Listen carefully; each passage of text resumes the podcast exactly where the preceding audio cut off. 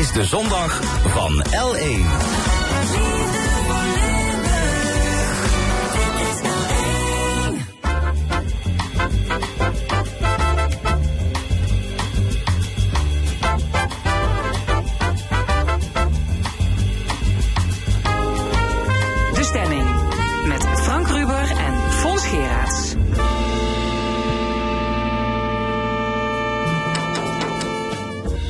Welkom bij De Stemming, het interview- en discussieprogramma van L1 Radio. Met vandaag moet de wolf bejaagd kunnen worden. Zometeen een discussie. Tof Tissen stopt als directeur van het UWV Werkbedrijf. En onze cultuuranalist Cyril Offermans over het uiveren van fotograaf Werner Mans.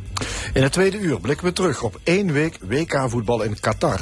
En dat doen we met de chef sports van De Limburger, Het Belang van Limburg en L1. En dan nog een column voor Jos van en het panel met Luc Wienans en Wim Haan discussieert over bonussen voor de top van DSM en andere actuele zaken. Tot één uur is dit De Stemming. De opmars van de wolf leidt tot veel discussie. Voorstanders noemen de wolf een aanwinst voor de natuur. Hij zorgt voor het herstel van het ecologisch evenwicht. Schapenhouders beklagen zich over gedode en gewonde dieren. Het CDA vindt dat dit roofdier zijn beschermde status afgepakt moet worden en dus afgeschoten kan worden. We gaan erover discussiëren. Aan tafel CDA-statenlid Rudy Tegels en Rij Dorgelo, trainer van honden die schapenkuddes beschermen. Welkom alle twee. Uh, Rudy Tegels, ja, u wil dat het makkelijker moet worden om op wolven te jagen. Waarom? Nou, wat we nu zien is dat uh, de wolf, en dat is Europees geregeld, dat die een uh, hele hoge beschermingsfactor heeft. Hij, heeft een, hij is zwaar beschermd. en de consequentie daarvan is dat wat er ook gebeurt met zo'n wolf, hij kan gewoon zijn gang blijven gaan. En voor ons is het belangrijk dat uh, daar waar er problemen optreden uh, met die wolf, dat er ook ingegrepen kan worden. En wat nu goed is, is dat afgelopen donderdag in het Europees Parlement, er is een resolutie aangenomen. Uh, ook elders in Europa zien ze dat de situatie zoals die nu is onhoudbaar is. En het Europees Parlement vraagt nu aan Europese Commissie om die beschermingsstatus van de wolf ook te verlagen. Dus op zich is dat een, een, eerste, uh, een eerste zet, een goede start. Want wat betekent dat, de beschermingsstatus verlagen? Nou, dat er uh, op het moment dat er zich problemen voordoen, dat er ook ingegrepen kan worden. Dat nu, betekent, nu kan dat niet. Dat betekent en, afschieten. Dat is een van de mogelijkheden dan, ja. ja. ja. Uh, Ray Dorgelo, hebben we de terugkeer van de wolf onderschat? Mm, ja, dat denk ik wel. Ja, niet iedereen natuurlijk. Maar uh, ik ben eenmaal een van de mensen die vroegtijdig uh, uh, heeft geprobeerd om, om voorbereidingen te treffen. Bijvoorbeeld al beginnen met wat pilots met afrasteringen. En, en ja, gewoon de mensen eerder voorlichten en een eerlijk verhaal geven van waar je aan moet voldoen om een groot roofdier buiten de wei te houden. Daar was totaal geen interesse voor toen. Niet van de politiek en niet van de agrarische belangenorganisaties. Er werd zelfs lachrig over gedaan. Maar een jaar later, nadat ik voor de laatste keer dat had aangekaart... was ik zelf naar het buitenland vertrokken. Kwam de eerste wolf in Nederland en toen liepen we achter de feiten aan en nu nog steeds. Ja, nou ja, achter de feiten aan. Je, je ziet inderdaad, in Drenthe bijvoorbeeld is heel veel overlast van, uh, van de wolf. En er wordt heel veel over geklaagd. In Limburg is het eigenlijk, kun je zeggen, nog redelijk beperkt. Uh, ja, ik bedoel, de, de, de gevallen die uh, natuurlijk, waar die schapen zijn gedood... dat is dan voor die eigenaar natuurlijk ernstig genoeg. Maar het, het, het, zijn enkele tientallen dieren. Is het, bedoel, is het, is het echt zo'n groot probleem? Nou, het is een probleem wat groter wordt. Uh, en uh, wij denken dat het goed is om in te grijpen voordat het probleem onhoudbaar wordt. En we zien, u zegt Drenthe, dat klopt inderdaad, ook in Friesland. En dan zie je dat daar de provinciale politiek ook in wil grijpen. En dat is ook wat het CDA hier in Limburg wil, want we zien hier problemen ontstaan. En uh, dan moet het ook zo zijn dat de provincie in kan grijpen indien dat nodig is. Ja. En ja, ik zei, het is in, in Europees uh, is dat bepaald. Uiteindelijk uh, ja, moet je dan via het, het, het, Rijk in Europa ook uh, proberen die beschermingsstatus te verlagen. Maar uiteindelijk het doel is dat we hier in Limburg kunnen beslissen over de aanpak van onze eigen problemen. We zijn er voor de Limburgers. En we willen ons dan niet laten beperken door Haagse of Europese regelgeving. Ja. Ray Dorgelo, ehm, u zegt al, ja, de, de komst van die wolf is onderschat. Nu komt de roep om eh, het dier een lagere beschermingsstatus te geven. Dus het makkelijker te maken om in te grijpen, bijvoorbeeld af te schieten. Is dat een goede op- oplossing volgens u? Nee, want het is nu nog niet aan de orde. Want de basispreventie is echt nog zwaar onder de maat. Dus eh, heel veel plekken waar eh, schade is, is geen deugdelijk raster of, eh, of bescherming van de dieren. Zelfs zo dat daar vroeger ook dieren regelmatig uitbraken. Dus zelfs niet goed genoeg om ze binnen te houden. Als er dan een plek is waar die wolf binnenkomt waar wel volgens de voorschriften eh, rasters zijn, dan moet er daar goed naar gekeken worden.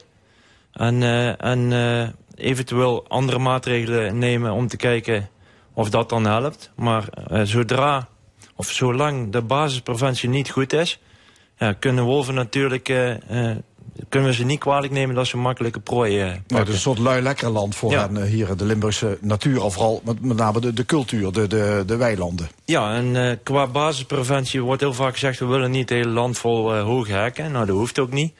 Ik zou juist een voorstander zijn van mobiele rasters... die opgeruimd worden zodra de weidedieren even niet in de wei staan. Want je moet met je begrazing natuurlijk ook kijken naar de druk op, de- op het land. Dus op een gegeven moment als de dieren verplaatst zijn... kun je het raster weghalen. Heb je helemaal niks meer staan. Maar ja, als die basispreventie er is en er zijn dan heel veel problemen... dan kun je misschien gaan zeggen van... hé, hey, er is iets aan de hand... Die wolf die kan niet tegengehouden worden. de maar- maar, schaaphouders- nu is dat niet zo. Die schapenhouders die moeten gewoon veel meer hun best doen om de dieren te beschermen, meneer Tegels. Kijk, als het alleen de schaaphouders waren, dan, dan zou het nog kunnen. Maar we hebben ook eh, de contacten met, met paardenhouders... die zich ook grote zorgen maken over eh, wolven die veulens aanvallen. En elders in het land zijn ook eh, voorbeelden bekend van wolven die ponies doden. Eh, en het zijn niet alleen die, die, die grote eh, professionele schapenhouders, de herders... maar ook mensen die hobbydieren hebben, die maken zich ernstige zorgen. Maar ik heb een kippenhok, dat weet ik ook, dat ik moet ik elke avond moet dat kippenhok dicht. Ja, dat kan, maar ehm, wij zijn er voorstander van dat een, eh, een, schaap, ook hobbymatig houden, dat hij gewoon buiten kan blijven. En als die lammer in de wei staan en als die koeien met de kalver in de wei lopen. We vinden allemaal dat ons prachtige Limburgs landschap ook de komende jaren, eh, de komende decennia op deze manier eh, onderhouden moet blijven. Nou, daar hebben we vee voor nodig. En kijk, op het moment dat er preventie mogelijk is, dan kan dat. Hè? En we zeggen ook niet dat we per direct over willen eh, op het afschot van die wolf. Maar op het moment dat er problemen ontstaan. En het is ook goed om als provincie te kijken naar voorbeelden elders in het land. En als we dan het park de Hoge Veluwe zien, waar ze inderdaad werken met 50 kilometer eh wolfwerende rasters. Ja, daar kunnen ze die wolf niet aan. Die wolf die komt ook binnen in een park wat omheind is. Ja, Dus het probleem is Het zijn, echt het groot. zijn geen wolverende rasters hoor, wat on Nationaal Park de Hoge Veluwe staat. Het zijn gewoon herashekken, waar ze onderdoor kunnen graven. En, eh, geen stroom, want eh das, vos, alles komt eronder door. Hond. Ja, precies. Maar daar, daar zijn dus grote problemen met die, met die Ja, wolf. En maar- dat moeten we niet willen. Ja, maar eh Ray Dorgelo, u zegt er zijn wel degelijk rasters die wel werken. Ja, ja de, de, het grootste gedeelte van de predatie door wolven zou je moeten kunnen ondervangen met eh degelijke rasters, met goede elektriciteit erop. En eh, dan moet ik er ook nog bij zeggen, er is een heel groot deel van de wolvenpopulatie in Europa wat nooit aan vee komt, zelfs als er geen deugdelijke rasters zijn. Alleen die komen niet in de krant of in de bij 12 rapporten. Ja. U eh, traint eh, ook met honden, kudde begeleidingshonden, Eh, kuddebeschermingshonden. kudde beschermingshonden. Eh, hoeveel heeft u er?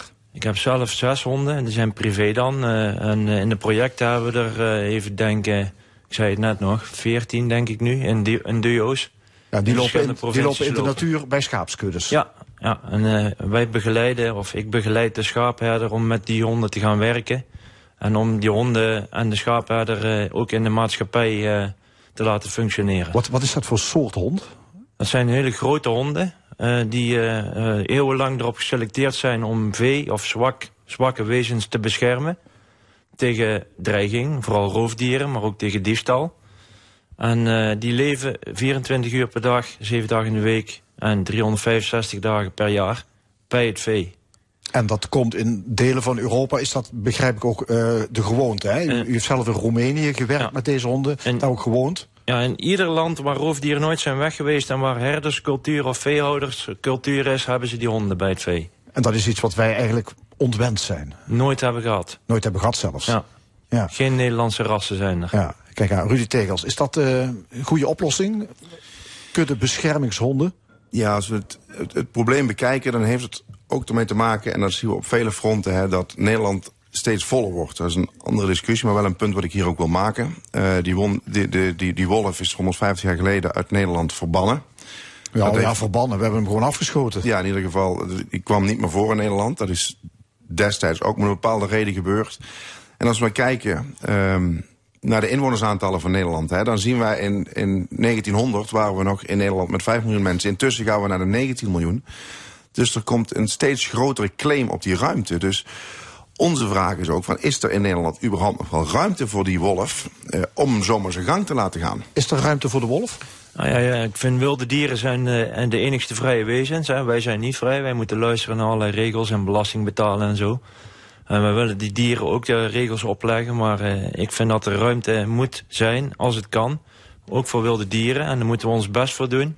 Om daar uh, nou, te kijken of dat lukt. Ja, want en, wij, wij zijn misschien niet meer gewend om met wilde dieren samen te leven. Sowieso niet. Nee. ook met semi-wilde dieren niet. En ja, heel vaak uh, zijn de dieren dan de dupe. Hè. Er zijn ook wilde gra of grote grazers die worden ingezet. Bijvoorbeeld Galloways of andere touwrossen. En er zijn mensen die maken daar dan een selfie. met zo'n koe en een kalfje. En dan worden ze op de horens genomen en dan moeten die dieren weg. Ja, ik heb zoiets van, mensen mogen ook wel hun hersenen gebruiken. En als ja. je dan iets doet wat niet, niet kan, dan moet je de consequentie ook aanvaarden. Ja, er zijn toch ook mensen die denken van ja, die wolf die kan een schaap pakken. Um, dus je kan ook een mens pakken. Ja, er zijn mensen die dat denken, maar dat is niet, niet veel voorkomend of ja, eigenlijk zeer zeldzaam dat er gebeurt. Want een, een, mens is niet interessant voor een wolf? Er is in principe geen prooidier voor een wolf, of een prooi voor een wolf. De, voor de wolf zijn vooral hoefdieren de prooi. Ja, ja. En, ja. Voor, voor de mens geen, uh, geen probleem, de wolf? Ja, dat is geen probleem. Maar dat zou betekenen dat er nooit aanvallen zijn van, uh, van wolf op mensen. Pakken we de wereld als, als gebied, dan zien we toch wel dat er uh, op een aantal plekken mensen aangevallen zijn door wolven. En laten we ook vooropstellen dat we dat ten alle tijde moeten voorkomen. Ja, dat wordt ook wel het roodkapjesyndroom genoemd trouwens, hè? Ja, hoe dat genoemd wordt, maakt niet zo heel veel uit. Maar in ieder geval is het beangstigend op het moment dat mensen aan het wandelen zijn in een bos en stel dat daar kinderen bij zijn, dan is het gewoon beangstigend als je daar een wolf tegenkomt. Dus los van het feit of hij iets doet, laten we hopen voor niet, maar uitsluiten kunnen we dat niet. Nee, uitsluiten kun je het nooit. Maar stel, uh, Ray, uh, je zou een wolf tegenkomen, je hebt het geluk of het ongeluk, mm -hmm. en je staat uh, oog in oog met een wolf, wat moet je dan doen? Ja, ligt eraan wat die wolf doet. Ik heb er één keer in het wild gezien in Roemenië. Die keek me aan en die liep door. Ik heb er één keer een vanuit de trein gezien bij Weert. Toen ik net terug was uit Roemenië. Die liep in een weiland te snuffelen, langs een bosrand. Ik heb nog uh, geen wolf gezien die uh, ja, lang bleef staan of uh, achter een fietser aankwam, dat soort dingen. Ik heb wel de filmpjes gezien. Ja, wat moet je doen? Ja, ik zou zeggen, geniet ervan, van die mooie waarneming. Maar ja, ik, er zijn heel veel mensen die zijn er bang voor. Maar dat komt ook een beetje door de verhalen die verspreid worden... en, en hoe in de geschiedenis en in de sprookjes de wolf is neergezet. Het blijft natuurlijk gewoon een dier... en geen duivels of demonisch wezen. Nee. Uh, ja, het plan om uh, de beschermingsstatus om die te verlagen... zodat ja. het makkelijker moet zijn om die wolf te bejagen. Hoe ziet u dat voor zich? Uh, is het dadelijk dan de bedoeling dat jagers hier de, de wolven die er zijn... dan ook allemaal afschieten en dat de wolf dus dan weer verdwijnt uit Nederland? Nou, wat belangrijk is, is dat we in kunnen grijpen op het moment dat er problemen ontstaan. En we zien nu inderdaad dat er, dat er dit jaar uh, tientallen schapen zijn, zijn doodgebeten. Op het moment dat het frequent op een plek gebeurt, moeten we in kunnen grijpen. En nu kunnen we helemaal niets. Ja, dat kan dus bijvoorbeeld door betere rasters te zetten. Ja, maar dan ziet u het voor zich dat we in heel Limburg, daar waar schapen lopen... dat we met die wolf weer aan de rasters aan de gang gaan. Hier in Zuid-Limburg, in het, in het Heuvelland ja, is dat wat ons betreft helemaal geen, geen optie. Want ja, we willen genieten van, dat, uh, van het Heuvelland zoals het er nu bij ligt. En als daar wolf weer aan de rassers komen, ja, dan doe je zo'n inbreuk, zo'n grote inbreuk op dat landschap. Ja, dat weegt wat ons betreft niet op tegen het eventuele voordeel voor die, uh, voor die wolf. Dus op het moment dat er geen problemen zijn, is er ruimte voor die wolf. Maar op het moment dat er problemen zijn, moeten we als provincie in kunnen grijpen. Uh, zodat we erger leed voorkomen. Ja, maar ja, dat is gewoon onmogelijk. Hè? Dus de wolf is Europees beschermd. Ja, goed. En daarom zei ik in het begin van het gesprek al dat het goed is dat er in Europa nu gesproken wordt en ook tot actie wordt overgegaan om die beschermingsstatus van de wolf te verlagen. Dat is een eerste stap in de richting uh, om de wolf ook inderdaad op de juiste manier te kunnen beheren. Op het moment dat er sprake is van schade. Ja, Ray Dorgelo, maar maakt dat eigenlijk ehm, wel iets, eh, kan, kan dat iets veranderen aan de situatie als je een wolf afschiet? Komt er dan niet gewoon een nieuwe wolf voor terug? Want Ja. er is blijkbaar plek voor die wolf. Dat ook. En eh, een, een wolf afschieten is nog niet zo makkelijk. En zeker als je het hebt over een, een wolf die problemen veroorzaakt. En er zijn er meerdere in dat gebied. Eh, schiet maar de juiste. Het gaat heel veel tijd kosten en heel veel geld. Meer dan eh, als er ingezet wordt op preventie. En eh, ja, het, het is gewoon niet wenselijk eh, ook om een roedelstructuur uit elkaar te schieten. Want eh, ja, kijk, in Duitsland is het een paar keer gebeurd... en dan hebben ze drie keer de verkeerde wolf geschoten voordat ze de juiste hadden. Nou, dus, buiten dat het niet helemaal eerlijk is... naar onschuldige dieren zomaar die zich wel goed gedroegen misschien om die te schieten... is het natuurlijk ja, duidelijk dat dat heel moeilijk is. Maar daarbuiten ook, dit, we hebben het over legaal. Hè. Legaal mag het niet, maar illegaal wordt constant overal op wolven geschoten. Als ze de kans hebben, jagers in Roemenië, als bijvangst worden ze geschoten. Ja, maar is dat ook niet het gevaar wat er ontstaat? Als wij eh, geen goede situatie creëren, zul je inderdaad illegale jacht gaan krijgen. Ja, maar die- die wat is er moet- toch. Ja, wat, Die is er moet- toch. wat zou de overheid idealiter moeten doen? Ik weet het niet, man. Kijk, ik heb, in Roemenië heb ik veel met de jagers ook te maken gehad. En eh, toen kreeg ik op een gegeven moment een, eh, een situatie met stroperij op beren. En het bleek dat dezelfde man die de legale jacht daar handen, eh, ver- ja, regelde... die handelde ook in eh, illegale trofee-tickets. Dus ja, mensen, die zijn overal mensen die zich niet aan de regels houden. En je kunt eh, niet alles handhaven, dus het is een heel lastig verhaal. Ja, dus we krijgen dadelijk misschien wel een soort Wild West. Dat mensen de, wolf, de wolvenprooi binnen gaan halen. Ja, daar durf ik niks over te zeggen. Kijk, wat, wat niet mag, moet er gewoon keihard ingegrepen worden. Dat staat voor mij als een paal boven water. Eh, maar daar waar problemen zijn, moet ook ingegrepen kunnen worden. En, en zo'n wolf, hè, ik kom zelf uit Zevenum, net eh, 80 kilometer afgelegd om hier te komen. Maar zo'n wolf, die kan op een nacht ook 70 kilometer, eh, eh, hoe noem je dat, afleggen. Ja, dus die heeft een heel groot gebied waarin die actief is. En nogmaals, als die schade aanricht, dan moet daar bestrijding op plaats kunnen vinden in het belang van, van de mensen hier in, eh, in Limburg en in het belang ook van het vee wat eh, beroeps- en hobbymatig gehouden wordt. Ja, eh, tot slot nog, ik vroeg me nog één ding af, die kuddebeschermingshonden. Ik denk dat er ook mensen zijn die denken van, als je daarmee de kudde gaat beschermen, is dat ook niet gevaarlijk voor wandelaars als er een... Die zijn er, die mensen die dat denken. Dat is precies waar we mee aan het werk zijn. Om eh, meer het publiek eh, voor te lichten. Als je je op een bepaalde manier gedraagt, negeren de honden je ook. Ja, de honden die worden in principe eh, grotendeels aangelijnd met de herder tijdens hoeden meegenomen. Er zijn wel een aantal honden die al los kunnen. Die negeren ook de mensen. En ze zitten bij de schapen in een eh, elektrisch raster. Wolveert raster dus. Die kunnen niet bij mensen komen. En eh, de, ja, ik zeg ook niet dat overal die honden nodig zijn. Absoluut niet, want die honden moet je ook affiniteit mee hebben. Maar eh, ze kunnen zeker goed functioneren. En in gebieden waar, eh, waar de schaapskuddes in de natuur zijn, zijn ze eigenlijk onmisbaar. Oké, dank u wel. Eh, Ray Dorgelo, u werkt dus met kuddebeschermingshonden. En Rudy Tegels eh, van het CDA. Overigens de motie om die beschermingsstatus in Limburg omlaag te krijgen... die is aangehouden, want er waren net zoveel voor als tegenstemmers. Dus daar komt, die komt opnieuw in stemming binnenkort. In december komt hij opnieuw in stemming. 16 december. Dank u wel. Ja. Zometeen gaan we praten met Tof Tissen. Hij stopt als directeur van het UWV Werkbedrijf. Wat is zijn kijk op arbeid? Ja, en welke muziek past daarna een discussie over de wolf? Natuurlijk die van Los Lobos.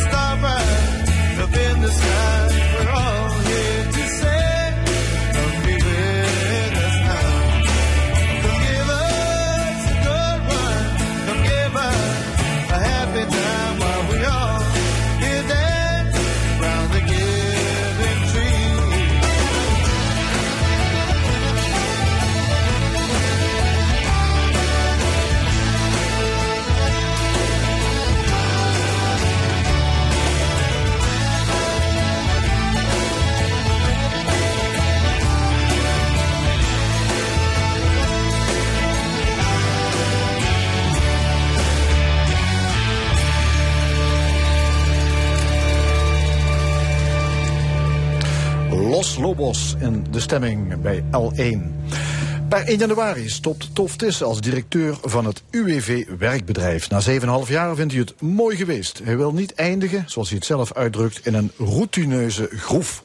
De 65-jarige Tisse woont in Roermond, was wethouder, directeur van Divosa, de Vereniging van Sociale Directeuren, fractievoorzitter van GroenLinks in de Eerste Kamer en voormalig politiek analist, zeker van de stemming. Tof Tisse is onze volgende gast. Tof, goedemorgen. Goedemorgen. Eh, je had geen zin om die laatste anderhalf jaar nog vol te maken. Eh, nee. Nee, kijk, ik heb, ik heb altijd eh, geprobeerd zoveel mogelijk zelf de regie op mijn loopbaan te houden. En daarin heb ik een re- redelijk regelmatige cyclus van tussen de zes en acht jaar dat ik ergens ben. En dat ik me dan ook meer dan 100% ergens voor kan inzetten. Omdat ik altijd wel probeer na te gaan van hoe kan het anders, hoe kan het beter. En ik heb nu echt het idee van dat mijn opvolger, eh, Judith Duveen, die mij gaat opvolgen per 16 januari, eh, dat die eh, het op haar manier anders kan gaan doen. Maar wel voort kan zetten van ja, wat, wat, wat ik met anderen, want je doet het nooit alleen, met anderen heb gedaan de afgelopen 7,5 jaar. Maar raak je na zes, acht jaar verveeld? Uitgekeken op je werk? Nee, ik ga niet ver. Kijk, ik had me een paar dingen voorgenomen toen ik begon. 1 mei 2015 begon ik. En uh, toen kwam ik in een situatie dat het UWV-werkbedrijf uh, gebukt is gegaan onder ongelooflijke bezuinigingen. Er was geen reïntegratiegeld meer, scholingsgeld, geld om mensen die in de WW kwamen, om die weer op weg te helpen. Er was enorm bezuinigd op de organisatie zelf. En dat was vanuit een idee in Den Haag van, ja weet je, we stoppen er wel publiek geld in. Maar of het dat oplevert, dat werd betwijfeld. En dat vond ik heel jammer, want ik geloof in de werksoort van de ja, in het Engels heet dat dan de Public Employment Service, de publieke dienstverlening voor de arbeidsmarkt. Overigens heeft corona bewezen dat de arbeidsmarkt niet zonder publieke uh, steun en ondersteuning uh, kan. Dus niet alleen het vrije verkeer tussen werkgevers, ondernemers en werknemers en werkenden. Nou, toen dacht ik, toen ik daar begon, ik denk, ik wil, ik wil de werksoort weer, weer, uh, weer trots kunnen maken. Uh, daar zijn twee dingen voor nodig. De omgeving moet dat zien. Dus mensen die werk zoeken of ander werk zoeken, werkgevers, ondernemers die mensen zoeken, die moeten dat erkennen. Maar als die dat niet erkennen, ja, dan heeft, het geen, dan heeft de werksoort geen zin. Dus enerzijds heel erg geïnvesteerd naar de buitenkant. Ik wilde weer van de samenleving zijn, weer maatschappelijk verankerd. Niet alleen van de overheid, maar van de samenleving. Omdat we betaald worden uit de portemonnee van 17, dadelijk 18 miljoen uh, mensen. Dus dan moet je meer dan je best doen. Maar intern moet je dan ook weten van, wat is ons vak eigenlijk? Wat is onze professionaliteit? Als je een huisarts vraagt, wat is je professionaliteit, dan weet hij dat zo te zeggen. Als je een onderwijzeres van een basisschool dat vraagt, weet hij dat zo te zeggen. Als ik dat vroeg aan onze adviseurs, uh, werk of adviseurs werkgeversdienstverlening, dan kreeg je soms 50 verschillende verhalen. Dus we hebben heel erg geïnvesteerd in herkenbare professionaliteit, weten wat werkt, doen wat werkt. Bewijs ook dat datgene wat je doet, dat dat zijn beoogd effect heeft. Namelijk weer meer mensen langs slimme wegen mee kunnen doen aan de arbeidsmarkt. Nou, dat is, ja, ik, ja, ik zeg eigenlijk, dat is, min of meer is dat geslaagd. Ja. En hoeveel uh, ondergeschikten heb jij uitgekafferd en publiekelijk vernederd ja, als directeur ik, van het UWV-werkbedrijf? Nooit één iemand. Nooit. Hoe ga, jij, hoe ga, je met mensen om die er met de pet naar gooien of niet vooruit zijn te vragen veranderen? Stellen, vragen stellen. Vragen stellen. Ik weet, ik, was een keer op een van mijn eerste werkbezoeken. Uh, het was ergens in het oosten van het land. En uh, toen had ik een verhaal van, ik, ja, hier zijn we van als werkbedrijf. En ik wil dit weer, ik wil weer dat we er toe doen. Dat we er toe doen van mensen die werk zoeken en mensen die mensen zoeken, medewerkers, personeel zoeken en alles wat daarmee samenhangt.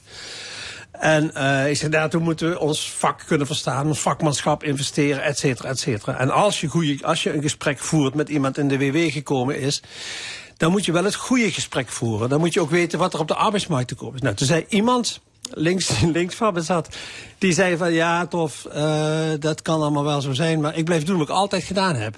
En toen dacht ik, hé, hey, dat, is, dat is merkwaardig. Dan kom je hier als, als directeur. Dus toen, toen viel me de metafoor en nou komt de generaal op het slagveld. Een beetje een vervelend uh, voorbeeld natuurlijk nu met die oorlog in Oekraïne. Maar het viel me wel in. Als voormalig pacifist kwam juist op die metafoor. Dan komt de generaal op het slagveld en zegt tegen de artillerie... mensen, onze militaire inlichtingen heeft gezegd... dat de vijand niet meer van die kant komt, maar van de andere kant. Mm -hmm. En dan zeg jij als hoofdkanonnen, die zegt van ja, dat kun je wel allemaal zo zeggen, maar ik blijf de kanonnen toch naar die kant blijven richten. Ik zeg, dat is toch merkwaardig. En dan valt een kwartje. Ja. Dus eh, soms de kracht van een metafoor, soms de vraag die stelt van waarom stel je deze vraag nu? Ik bedoel, ik kom hier als directeur. En ik heb dat altijd in, ja, volgens mij altijd in verbindende kracht gezet. Ja, maar waar ik op doel is dat autoritaire Ja. basis niet meer worden getolereerd. Hè. Tenminste, dat zie je op veel plekken tegenwoordig. Ja, is er sprake van een soort kanteling?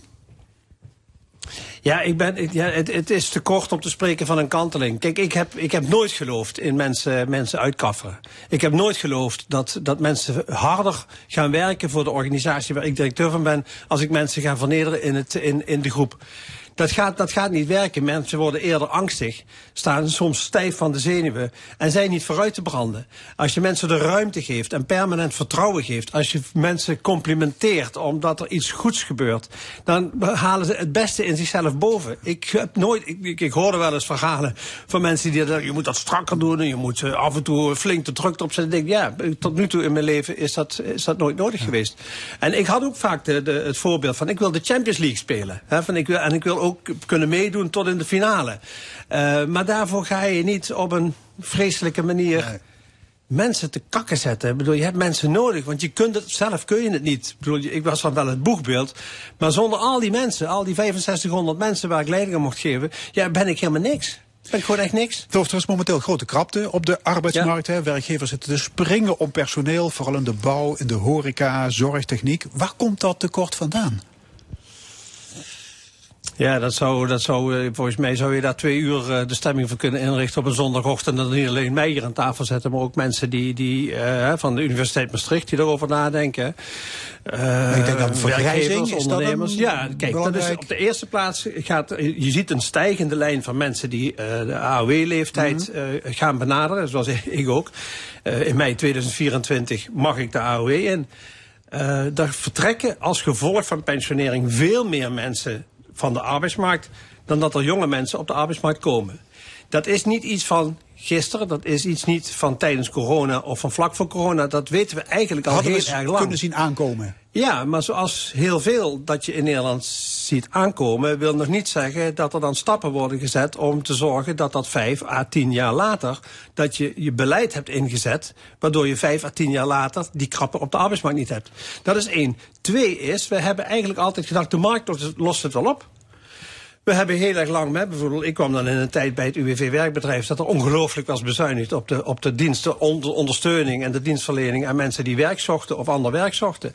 Nou, daar hebben we onszelf gigantisch mee in de vingers gesneden. We hebben eh, honderdduizenden mensen aan de kant staan waar we gewoon nooit meer in geïnvesteerd Ja, hebben. en jij hebt die dienstverlening weer op de kaart Ja, gezet. de hè? Je hebt het persoonlijke loket, zal ik maar Ja. zeggen, weer geopend. Ja, ja de, de persoonlijke dienstverlening. Je kunt als overheid je niet terugtrekken in een digitale wereld. Je- je bent Als overheid heb je je als persoon te laten zien naar mensen. Omdat als mensen ontslagen worden of hun werk verliezen, dat stond niet op hun verlanglijstje. Als mensen met een chronische ziekte of met een handicap geboren worden, dat stond niet op het verlanglijstje. Als ze dat tijdens hun leven oplopen, door allerlei soorten van ongelukken die kunnen ontstaan in de leefwereld van mensen of in de werkwereld van mensen, dan stond niet op hun verlanglijstje.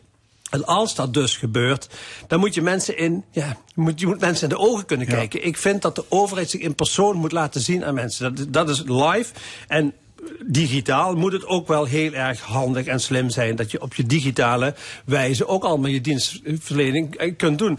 Maar als je als de schrik je om het hart slaat, omdat je je werk kwijt bent, of je komt na een ongeluk of na een ziekte, kom je terug en je wil weer op de arbeidsmarkt, dan wil je een professional zien die tegen je zegt van, je kunt nog zoveel meer. Wat kan nog wel? Laten we dat samen bekijken. En dat kan alleen maar in persoonlijk contact. Kijk, George Verbeek, hè, de journalist van de Limburger. Nu. Ik was 2,5, drie maanden was ik in dienst. Eh, en het was eh pal na de zomer. Toen kwam de toenmalige persvoorlichter van UWV Werkbedrijf, Frank Bartels, werkt nou bij het ministerie. Die kwam naar me toe, zei op een donderdagavond, ik was mijn spullen in een pakken met de trein weer naar Remond te gaan. Toen zei hij, tof, dit stuk komt zaterdag in de Volkskrant. Ik zei, wat is het voor stuk? Laat het me lezen. En dat was een verhaal van George van Beek, ik kende hem toen niet. Die eh, deels deed hij wat ZZP-activiteiten, deels had hij loondienst en had hij WW, maar hij kwam er niet uit. En hij had een stuk geschreven over het labyrint van de sociale zekerheid. En hij zei, ik ben hoog opgeleid, maar ik weet de weg gewoon niet. En niemand bij het UWV-werkbedrijf staat met te woord, want de eerste maand moet het alleen maar online dienstverlening zijn. Help! En hij had ondertekend, want dat stuk kwam zaterdag in de Volkskrant met zijn 06-nummer. Dus ik denk, ik bel hem gelijk op. Dus ik belde Sjors op. En je, hè, bel jij? Ja, ik zeg, ja, ik ben directeur van de UWV Werkbedrijf. En ik wil eerst eh, je bemoedigen en zeggen van, ik herken dit verhaal, ik ga er wat aan doen. Want ik vind dat dat inderdaad niet kan. Dat mensen het niet begrijpen, dat wij doen mensen verdwalen. Hè. Mensen verdwalen zelf niet, wij doen het. En toen zei hij op een gegeven moment, ja, zei hij, staat op het punt om te vertrekken naar de arena. Heette toen nog niet de Johan Cruijff Arena. Ik ga naar Nederland-IJsland. Ik zeg, dan hoop ik dat je je daar beter amuseert dan tot nu toe bij het werkbedrijf. Maar ik ga me inzetten voor persoonlijke dienstverlening. Ja, zei hij, ik schrijf niks op, hè. Ik schrijf niks op. Nou, ik geloof dat Nederland die wedstrijd tegen IJsland verloor. En zich niet wist te plaatsen voor een of ander toernooi in 2016. Maar hij schreef het toch uiteindelijk op. Dus dat kwam in de krant. En toen zei Ascher van ik kom het voorstellen. Want er in, in dat stuk van Jos Verbeek stond een kadertje van Tof Dissen, nieuwe directeur van het UWV Werkbedrijf, gaat zich inzetten voor meer persoonlijke dienstverlening, menselijke maat, et cetera. En daarmee was het geagendeerd. Oké. Want wat jouw motto is, las ik ergens, een dag niet geïnvesteerd in mensen is een verloren dag. Ja, en dat vind ik zeker dat de overheid op alle fronten, of je nou een van de 344 gemeenten bent, of je nou werkt bij een gemeente, of je nou werkt bij de provincie, of je nou werkt bij een waterschap, of werkt bij, bij, bij de Rijksoverheid, dat is allemaal overheid, of bij een van de dienstverleners van de, van de, van de overheid, zoals het UWV breed dat is. Dat moet je realiseren. Wij zijn er om dienstbaar te zijn aan de samenleving. Ja, maar je hoort ook heel veel klachten over werk. Ja. Je hebt werkende armen, je hebt bullshitbanen, flexwerk, eh, ongezond werk, werkdruk, ziekteverzuim. Het is niet allemaal Hosanna. Nee, we krijgen ook nog steeds niet echt een vinger erachter van hoe komt het toch dat, dat er nog altijd zoveel mensen zijn die na twee jaar ziektewet zich melden aan de WIA-poort. hè, De, de nieuwe, vroeger heet dat WHO, dus nu de, de WIA. Ehm, wat is dat in ons leven? Wat is dat in die samenleving? Wat is dat in de arbeidsmarkt? Dat zoveel mensen uitvallen en niet alleen mensen van een leeftijd zoals wij hier aan tafel, zeg ik met enige voorzichtigheid. Ik weet dat Frans van hetzelfde geboortejaar is, van Frank weet ik dat niet helemaal zeker. Maar ook gewoon heel veel jonge mensen. Maar ligt de lat te hoog? Nee, ik, ja, dat zou kunnen. Maar wij, wij zijn nooit echt structureel aan het nadenken geweest van wat is dat nou in onze samenleving, in onze arbeidsmarkt, dat zoveel mensen uitvallen. Wij, wij, wij, ja. We worden geconfronteerd met de gevolgen, maar we kijken nooit naar de oorzaken. Het, het positieve gezondheidsidee van Martot Huber, die zegt van, we hebben het in Nederland altijd over gezondheidszorg. Maar we hebben het nooit over gezondheid. Tijdens corona stond de Jaminwinkel was open, de slijterijen waren open, et cetera. Maar de sportscholen waren dicht. Heel merkwaardig. De BTW op gezond voedsel is nog altijd even hoog als de BTW op een zak chips. Is belachelijk. Ik daar maar niet verder over. Zou, zou het toch kunnen zijn dat die werkgever misschien toch niet intrinsiek echt geïnteresseerd is in die werknemer dan op dat moment? dat je bent ziek, dan ben je, dan ben je af. Nee, de meeste werkgevers lukt het heel erg goed om in het eerste jaar, het eerste spoor, te kijken om mensen te herplaatsen binnen, binnen, binnen werkgevers, binnen ondernemers. Zij hebben zelf ook gepleit toen, toen, voor de wet poortwachter om de WHO-crisis, het tijdperk van kabinet Lubbers-Kok. Als ik dit ga aanhalen, dan- dan zeggen mensen in mijn omgeving, eh, jonge mensen, god, opa vertelt, ja, maar het is wel heel belangrijk om de geschiedenis te kennen. Toen hebben werkgevers hun verantwoordelijkheid gepakt. En de- de meeste werkgevers pakken die verantwoordelijkheid ook. En zetten zich ook in voor het tweede spoor. Ja, tuurlijk, UWV moet uiteindelijk een order doen om eventueel mensen nog, ondernemers nog te verplichten voor een derde jaar loondoorbetaling. Maar het gros van de werkgevers deugt. eh, en doet het gewoon goed. En heeft ook gewoon sociale inborst. Eh, er zijn ook werkgevers die dat niet allemaal zo goed doen. Ik bedoel, eh, ondeugdelijke uitzenders. Bedoel, dat weten we allemaal. Wij willen allemaal, als we wat bestellen bij bol.com of bij weet ik wat wil je morgen hebben, heb ik nooit om gevraagd. Maar we weten niet wat de kwaliteit van de arbeid is die zorgt dat wij morgen dat pakketje hebben. En daar maak ik me grote zorgen over. Hè, Kijk maar naar de film van Sorry We Missed You. Kijk naar de film I, Daniel Blake. Dat gaat over hedendaagse arbeidsmarktproblematiek. en wij moeten naar voren kantelen. We moeten bezig zijn met preventie. Voorkom dat zoveel mensen uitvallen. En zorg ervoor dat mensen die uitgevallen zijn, die al jarenlang, dus ja, liever nog gisteren dan vandaag en liever vandaag dan morgen mee willen doen naar vermogen aan de arbeidsmarkt, dat die de weg vinden om mee te doen naar de arbeidsmarkt. Het is toch idioot dat er zoveel vacatures openstaan, terwijl er nog zoveel mensen mee willen doen aan die de mismatch, arbeidsmarkt. dat, dat, dat... Ja, maar we hebben, we hebben On- gelukkig onoplosbaar sinds- probleem, hè? Nou, onoplosbaar. Als je niet investeert in mensen, Ja, blijft het onoplosbaar. goed. We hebben gelukkig weer, weer meer budget om te investeren. We hebben de stapregeling, hè, die, die ook hartstikke goed is om te investeren in mensen. Maar er zal meer in mensen, in de beroepsbevolking geïnvesteerd geïnvesteerd moeten worden om te zorgen dat die krapte arbeidsmarkt die 20, 30 jaar blijft, dat die niet leidt tot, tot slechtere economie of minder welzijn en welvaart. Per 1 januari ben je zelf bevrijd van de ketenen. Wat, wat Van ga de je doen? in ieder geval, ja. ja. Wat ga je doen? Ik weet het nog niet. Ik heb eh, drie nevenfuncties. Ik ben sinds kort ben ik lid van de Raad van Toezicht. Dat is een nieuw orgaan van de FNV. Dus ik blijf heel erg betrokken bij, eh, bij eh, landelijke ontwikkeling op de arbeidsmarkt. En twee voorzitterschappen van de Raad van Toezicht van Laurentius Ziekenhuis Roermond en van Sonar Jeugdzorg. in Beetje freewheelen. En Dus. eh, er zijn bureaus die hebben mij al eens gebeld. Ze van, goh, als je ben je in voor interim klus. Ik zeg ja, dat kan, maar niet meer vijf dagen in de week. En niet meer op tropische, tropische kracht, zeg maar. Ja. En je krijgt van het UWV Werkbedrijf een heus symposium aangeboden. Ja. Komende vrijdag in Den Bosch. Een van de sprekers is niemand minder dan Kim Putters, voorzitter van de SER. Hoe eervol is dat? Ja, dat is prachtig. Kim en ik hebben wel veel met elkaar opgetrokken in de Eerste Kamer met, met, met eh, zeg maar zorg, eh, wetgeving, et cetera. Het is gewoon een ongelooflijk goede vent. Maak er een mooie dag van. Dankjewel. Tof tussen. Hartelijk dank. Heel gedaan. Werner Mans is een van de betere fotografen die Limburg gekend heeft. En zijn werk is nu te zien in het Bonnefante Museum. Cultuuranalist Cyril Offermans die bekeek de werken en dat treft, hij zo meteen hier. Maar nu eerst Sail Away van Randy Newman. In America, you get food eat. Won't have to run through the jungle and scuff up your feet. You just sing about Jesus and drink wine all day. It's great to be an American.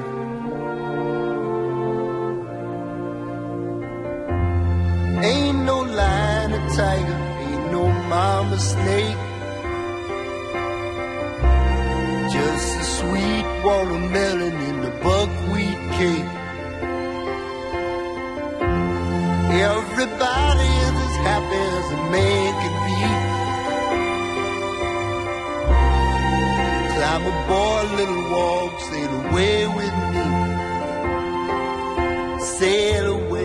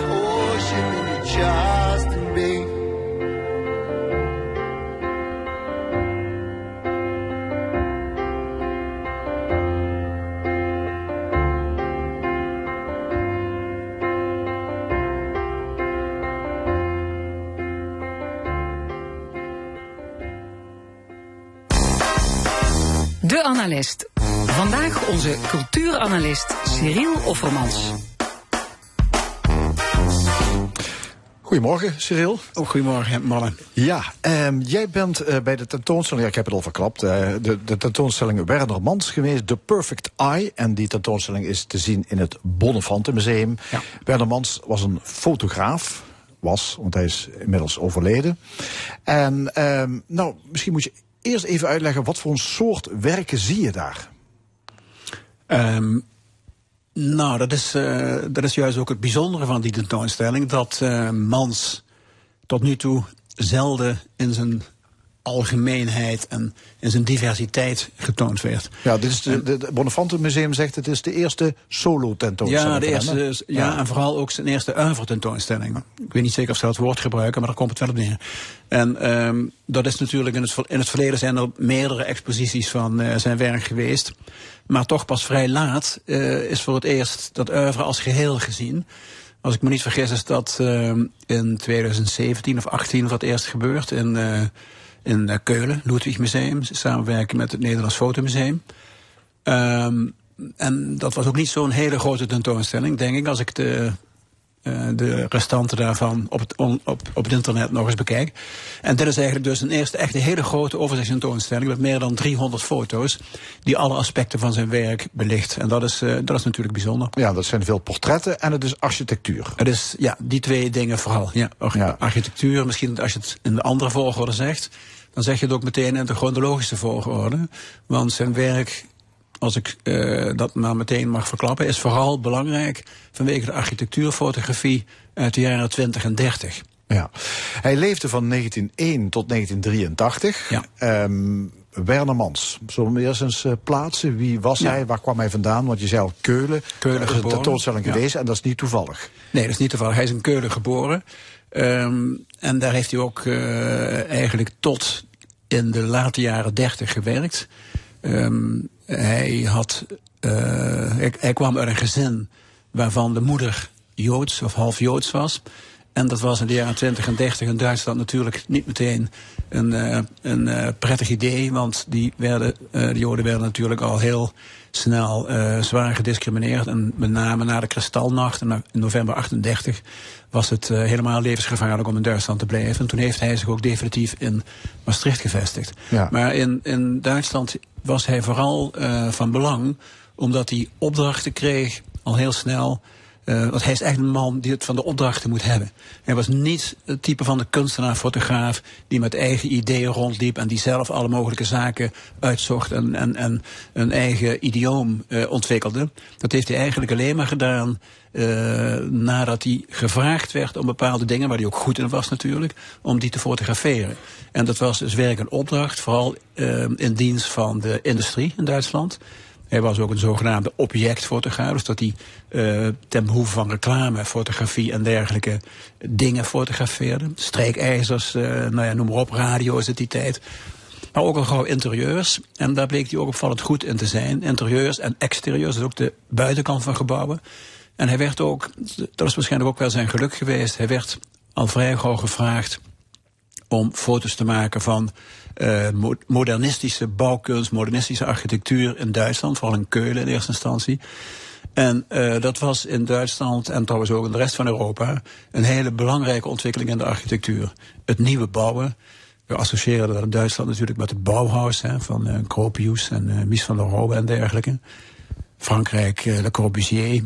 Eh, in Nederland met Rietveld en Oud en eh, diverse andere belangrijke Nederlandse architecten. Denk bijvoorbeeld aan, het, eh aan Peuts en, uh, en Heerlen, het Gaspaleis. Ja, dat, dat soort gebouwen, Dat soort daar gebouwen. zie je heel Dus- en veel dat- op zijn foto's en dat, terug. en dat, we, moeten, we, hebben ons, we hebben daar waarschijnlijk nu niet zo'n duidelijk beeld meer van hoe belangrijk die bouwkunst in die tijd was. Ja, want dat, dat was hartstikke modern, nieuw. Dat was Ja. verrassend toen. Hè? En dat was vooral ook antitraditioneel.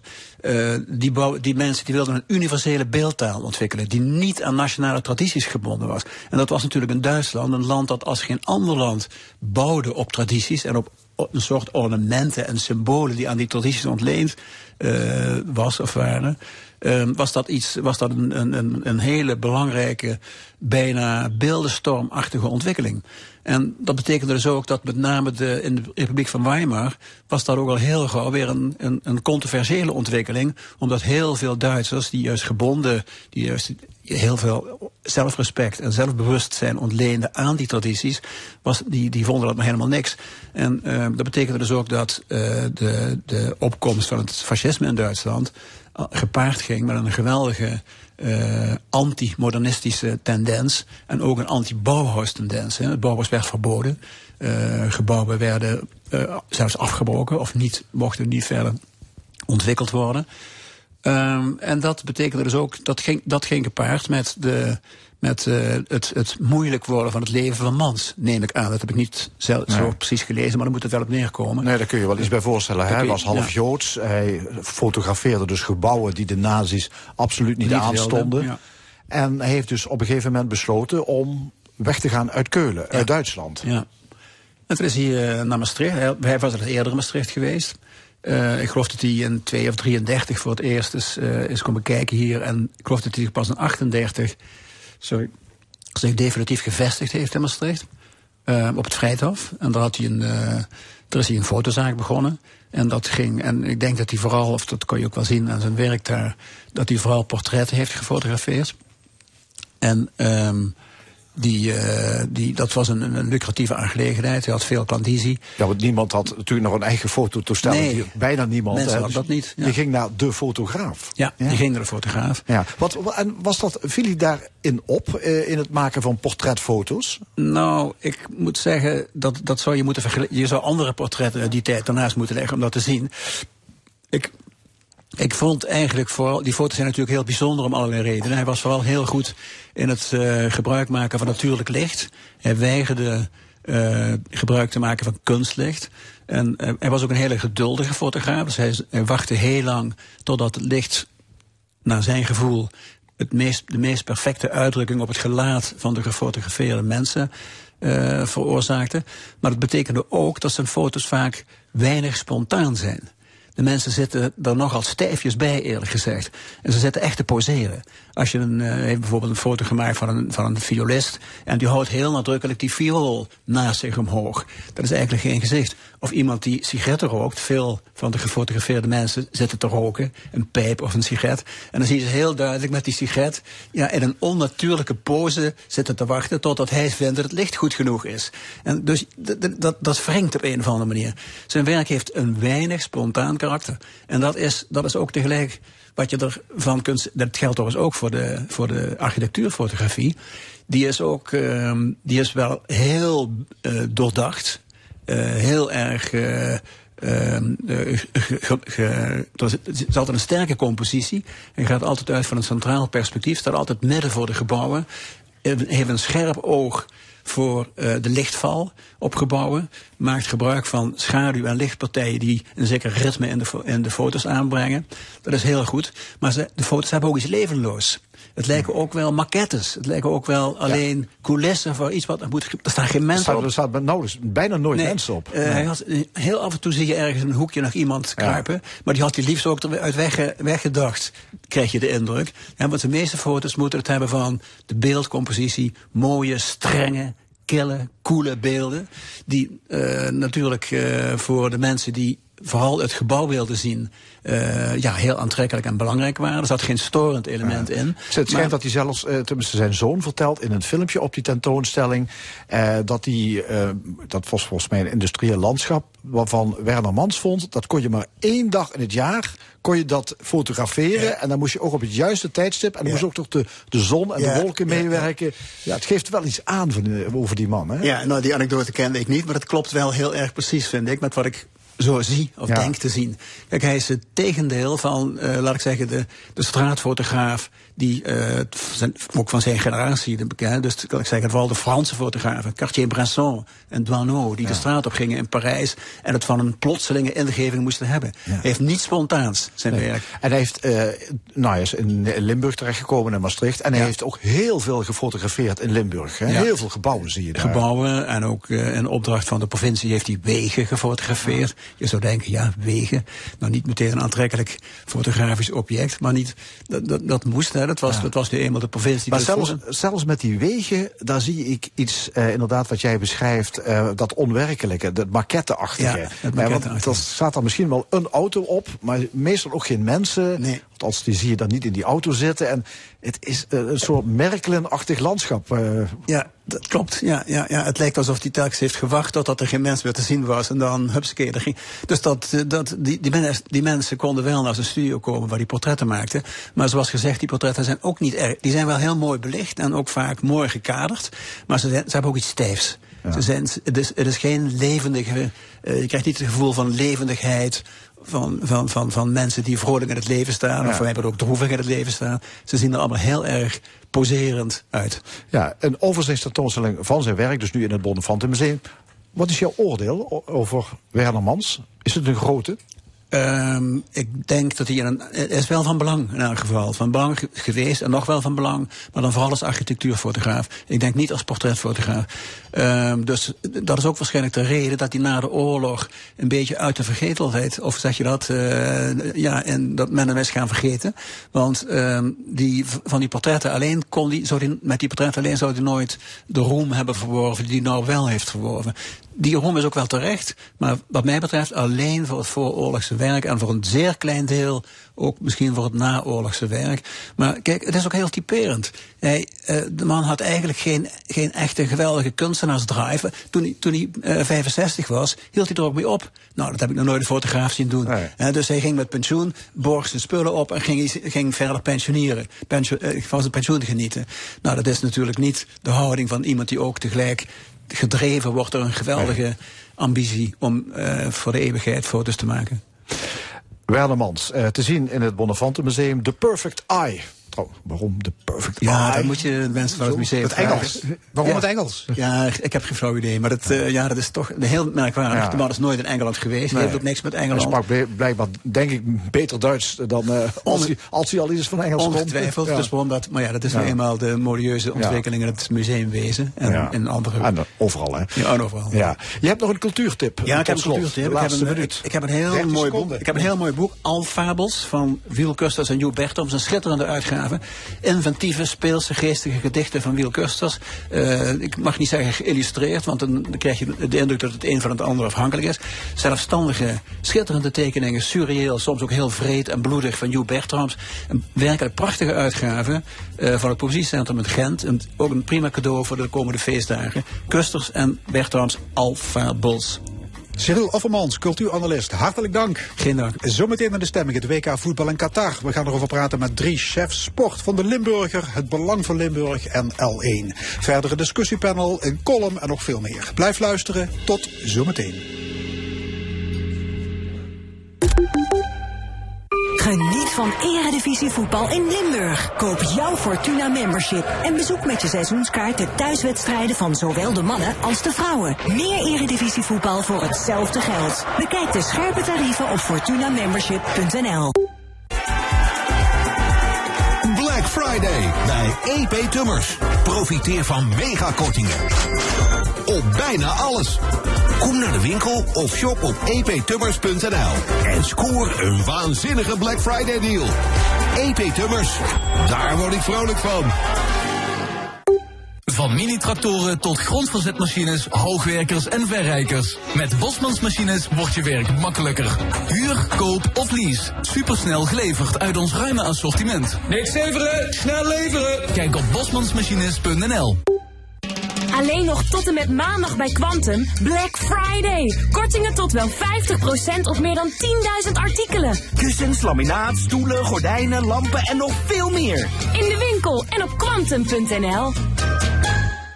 Een machine huren voor jouw klus? Je regelt het snel op bosmansmachines.nl Specsavers streeft al jaren naar betaalbare hoorzorg voor iedereen.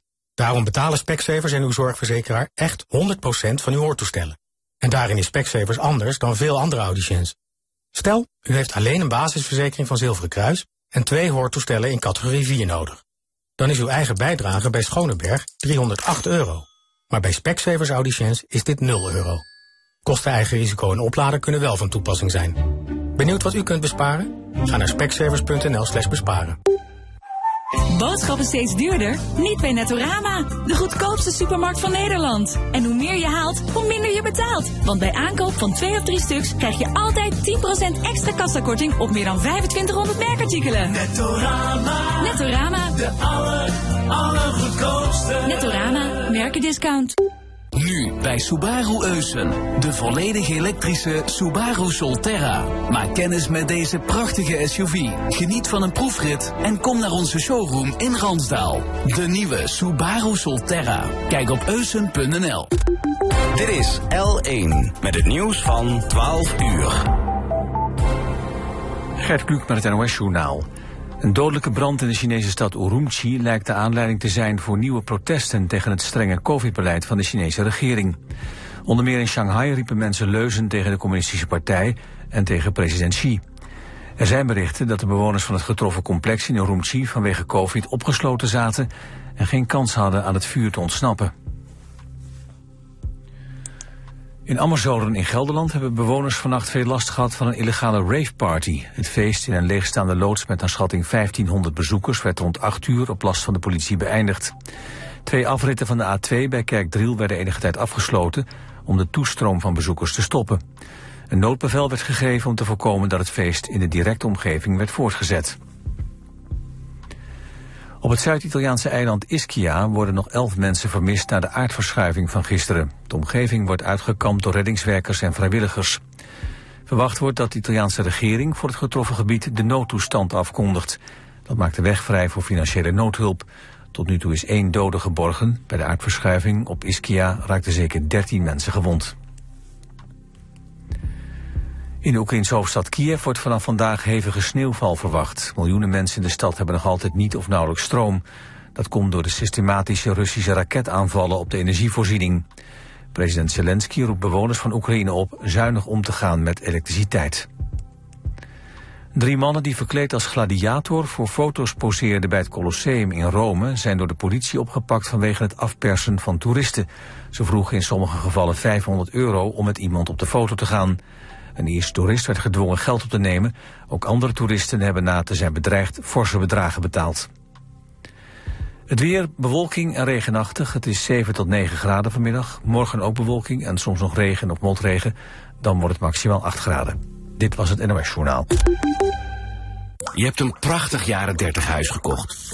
Met prachtige jaren 30 glas in loogdeuren. Maar ook uh, jaren 30 leidingen. Zeker weten dat je aankoop niet in het water valt? Kies voor een NVM-makelaar. Want die heeft meer expertise om risico's te herkennen. Zoals verborgen gebreken. NVM, zeker weten. Het is Black Friday bij QuickFit. De hele week 25% korting op alle banden. En maar liefst 50% korting op een APK. Bekijk alle deals en maak eenvoudig je afspraak op quickfit.nl. De vrijheid van 357 kilometer op een accu. Dat rijdt pas comfortabel en zorgeloos elektrisch. Reserveer nu alvast de Citroën EC4 Electric. Dan profiteert u van de overheidssubsidie en een scherp private lease tarief vanaf 429 euro per maand. Kijk nu op citroën.nl. Slimme installateurs kiezen voor een Gebrit pack. Een closet en zitting in één verpakking. Super eenvoudig. Eenvoudig kiezen door het brede assortiment. Eenvoudig kopen door de handige meeneemverpakking. En eenvoudig installeren door de innovatieve techniek. Kijk op gebrit.nl slash packs. Bij IKEA snappen we heel goed hoe je van je huis je thuis kan maken. Zo hebben we een ruime collectie wanddecoratie waar je heel gemakkelijk je muur wat minder muur mee maakt. IKEA, een wereld aan ideeën. Eenvoudig kiezen, eenvoudig kopen, eenvoudig installeren. Gebrit.nl slash packs. Iets voor Sinterklaas? Gefelicitaard.nl Altijd iets te vieren. Met Sari.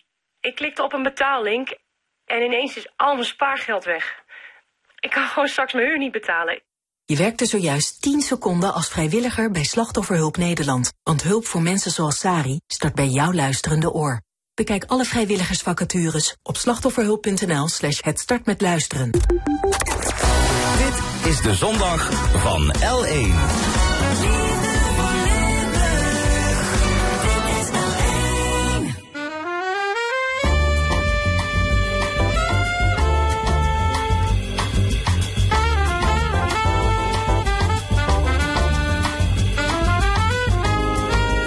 De stemming.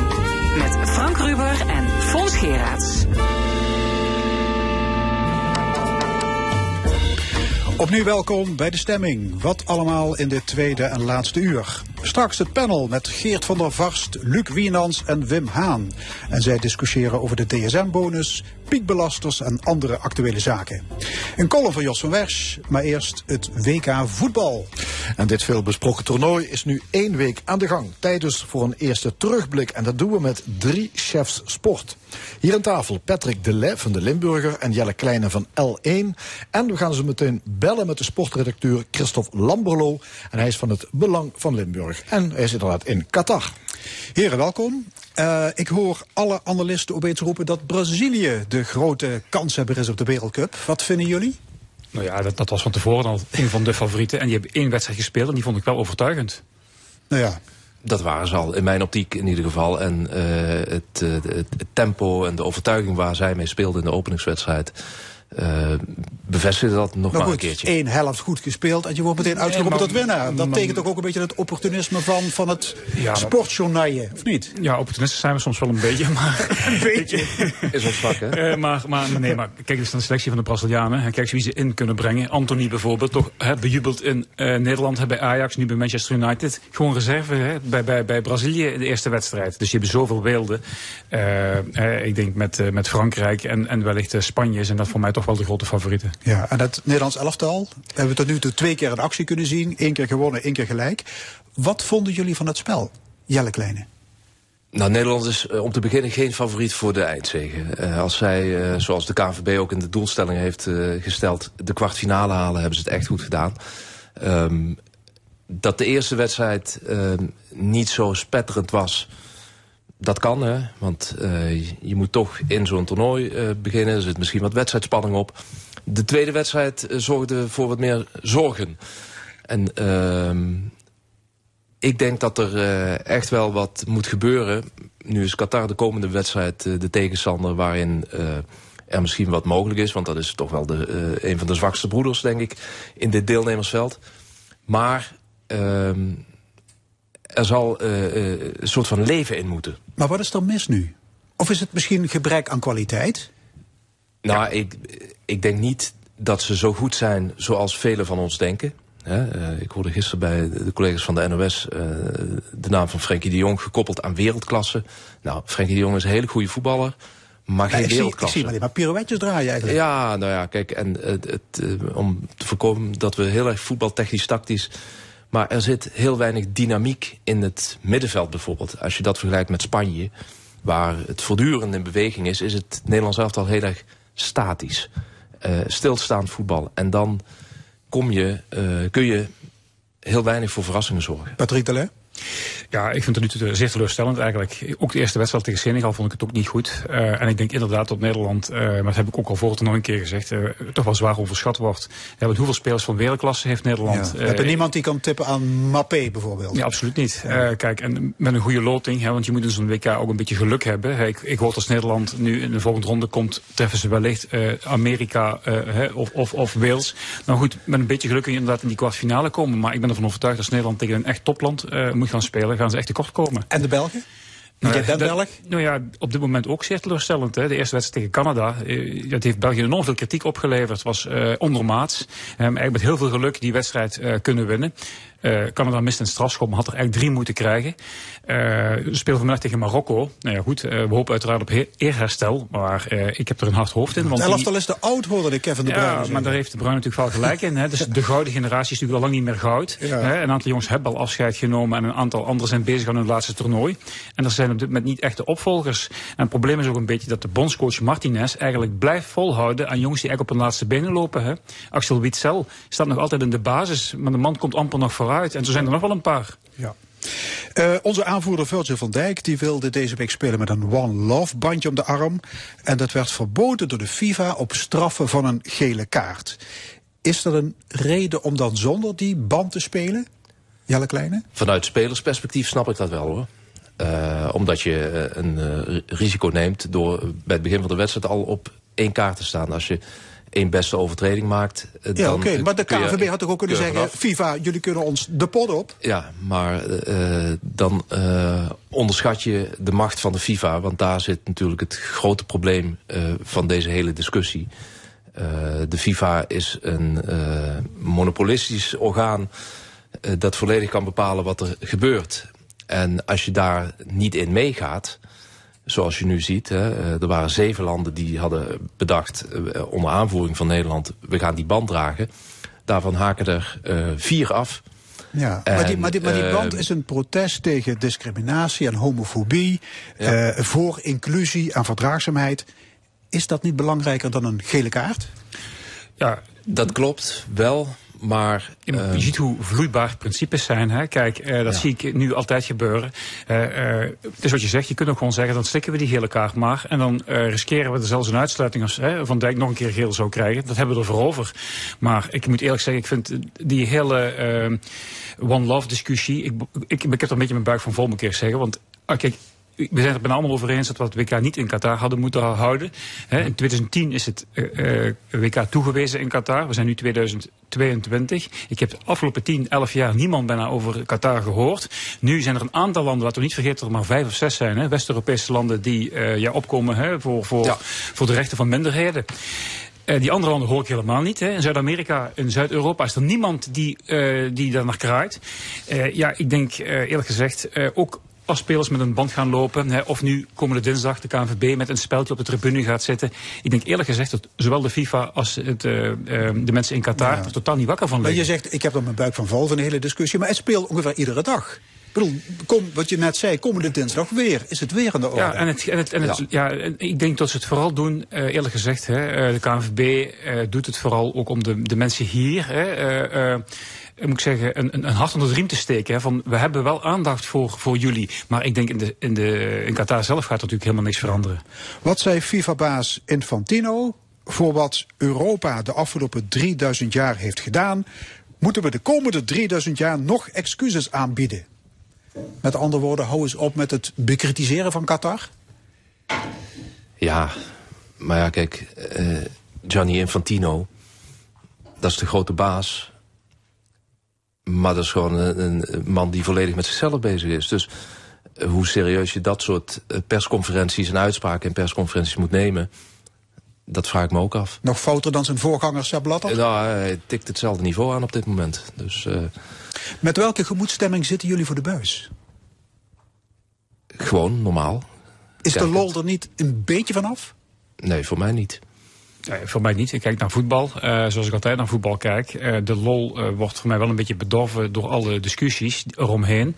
Hè, die, wordt, die hebben nu wel een beetje weg. Dat heb je altijd bij zo'n toernooi. Hè. Voor het toernooi ja. ja. dan is, is het morele besef altijd heel erg hoog. En dat hebt dan weg. Hè. Naarmate het toernooi vordert, zie je bij Olympische Spelen heel vaak. Hè. maar ik kijk gewoon naar voetbal. En als liefhebber en als, als journalist... Uh, en al het andere, ja, eerlijk gezegd, ik, zoals ik net zeg, ik ben er eigenlijk wel een beetje klaar mee. Kijken jullie zoveel mogelijk? Als het even kan, uh, de tv staat hoe dan ook altijd aan. Of dat nou hier op de redactie is of thuis. Uh, dus, maar soms zijn er momenten, dan moet je even iets anders doen. Dus dat... Ja, vanmiddag moet België spelen tegen Marokko. En Christophe Lamberlo, die is in Qatar. Christophe Lamberlo van het Belang van Limburg. En dat is de regionale krant in Belgisch Limburg. Uh, goedemiddag, Christophe. Goedemiddag. Het is wel Christophe Lieberlo, voor de duidelijkheid, maar niet erg. Oké. Okay. Uh, heb je al uh, fans van de Rode Duivels gezien? Um, vandaag nog niet zo heel veel, uh, want we zitten in het perscentrum aan het stadion. Ik ben nog niet uh, tot in de tribunes geweest. Dus op dit moment nog niet zo heel veel uh, fans gezien. Maar ze zijn er wel, ze zijn op komst. Ja, hoe, hoe zien die Rode Duivel-fans eruit als ze zich door Doha bewegen? Ja, rood hè. Ja, zijn ze met velen? Ja, ja, ze, hebben wel, ze hebben wel attributen bij en zo. Een atomium op hun hoofd en uh, ergens een drietand uh, van de duivel. Dus op dat vlak zijn ze er wel. Maar ze zijn niet met zo heel veel, een pak minder dan op andere grote toernooien natuurlijk. En dat heeft te maken met de dure reis vooral. Hè.